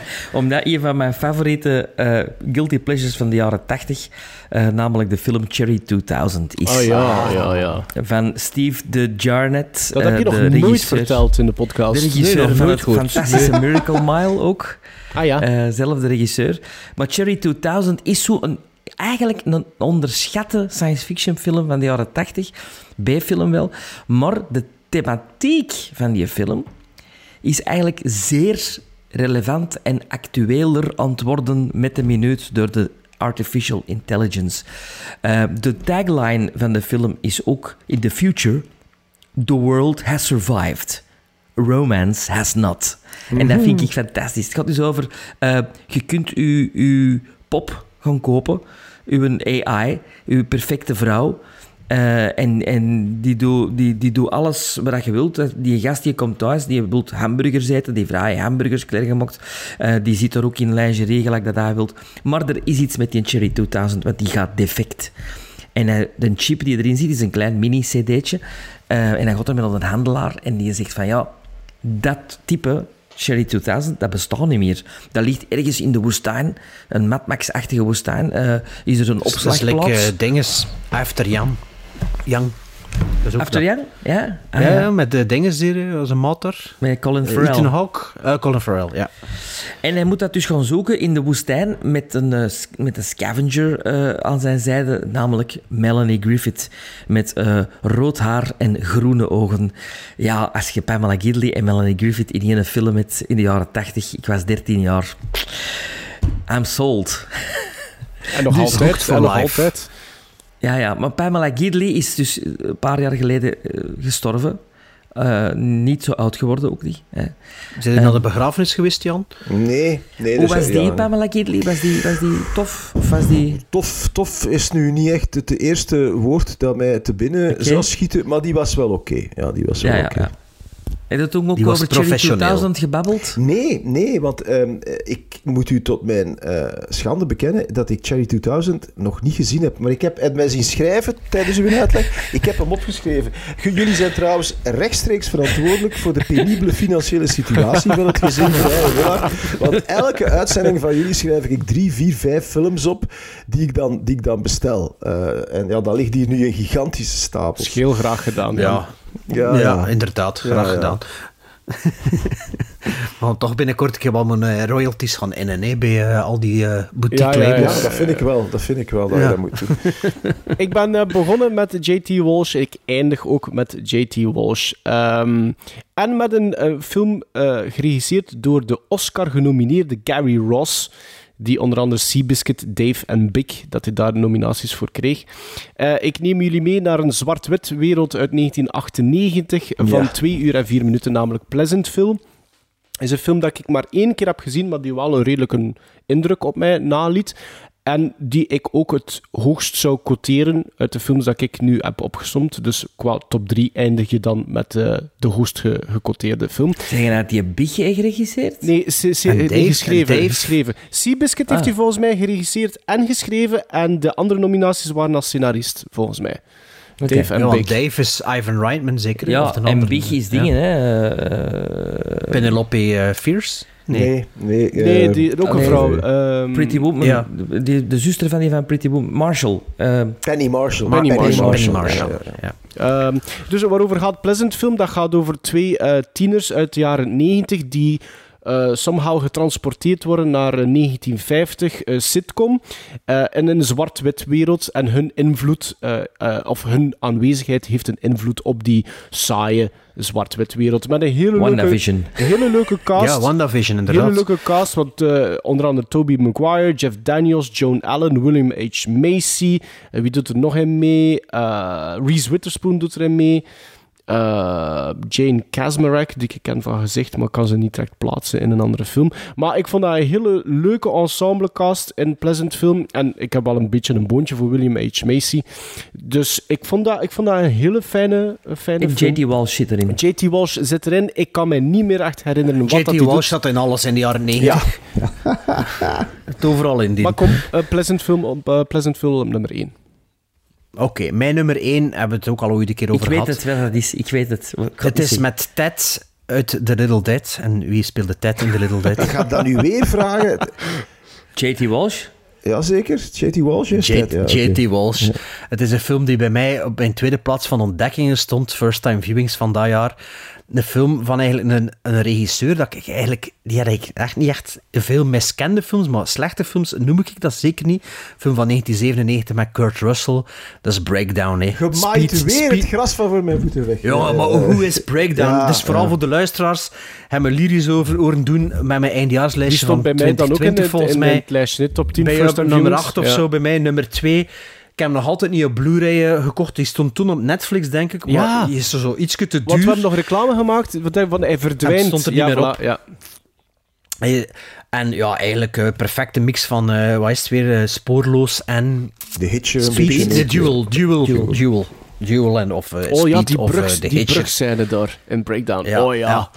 Breakdown, als je dat nog niet gezien hebt, jongen, dat is top entertainment. Een film dat ik eigenlijk wel, kan niet zeggen weten uitkomen heb, maar ik was wel of age voor dat.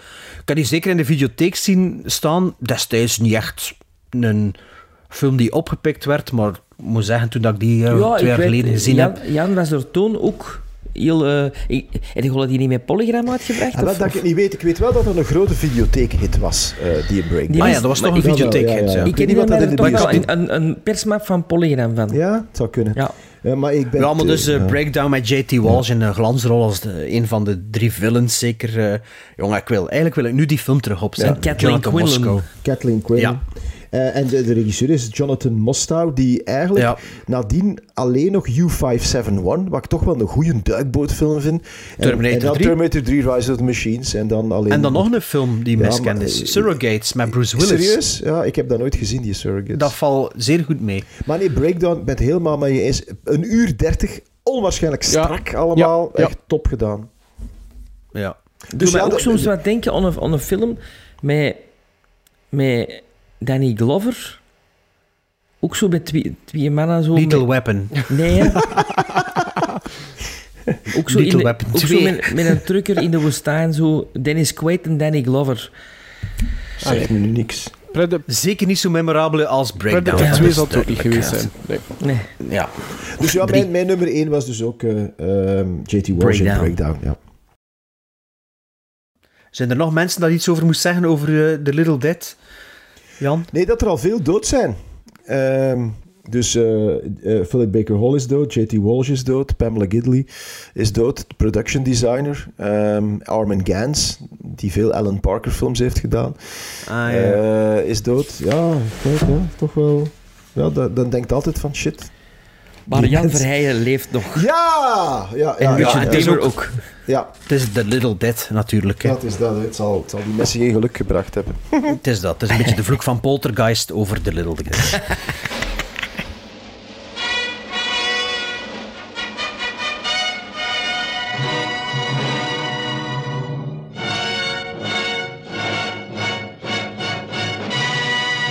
is een, een, extra, een extra lange aflevering geworden, maar dat, daar zijn we zeer blij voor, want we hebben een extra gast natuurlijk. Ah ja, gehad. een Eh, vierde mening. Dus, dat is een iets ja, langere Ja, dat- aflevering. ja, ja. eh, Dus ik en er altijd met vier zouden zijn. doen. Hè? En ik heb, nog, ik heb me nog ingehouden, want ik, dacht, ik zat zo mee, mee naar die klok te kijken en ik dacht, mm, drie uur is toch een soort psychologische grens. Ja, welkom in onze Eh, wereld. Ja. Ja, dat is zo gelijk onze eindejaarsafleveringen, hè. die zijn Ja. nog iets langer. Hè. Ja, dat is lang, hè. Ja. Maar ja, dan hebben we ook, dan hebben we ook twee weken verlof. Hè. Nu is het morgen gewoon werk, hè. dus dat is iets anders.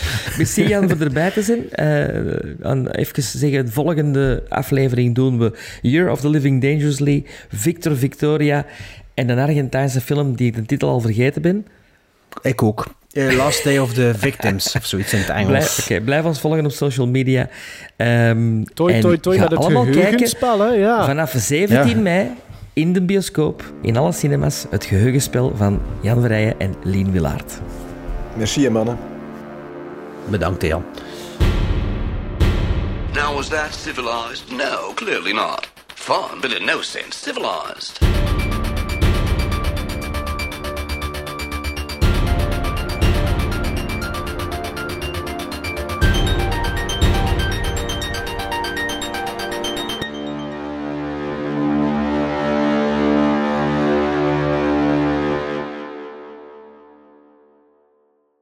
Trekt er ze beter zien met dat foto ook? Van de vier, de vier, er zo vier, vier net van elkaar. Ik zit op een veel te klein scherm voor dat te doen. Ah, dan ga denk ik een foto trekken. Ja. Vind ik wel plezant voor zo. Voilà, hè.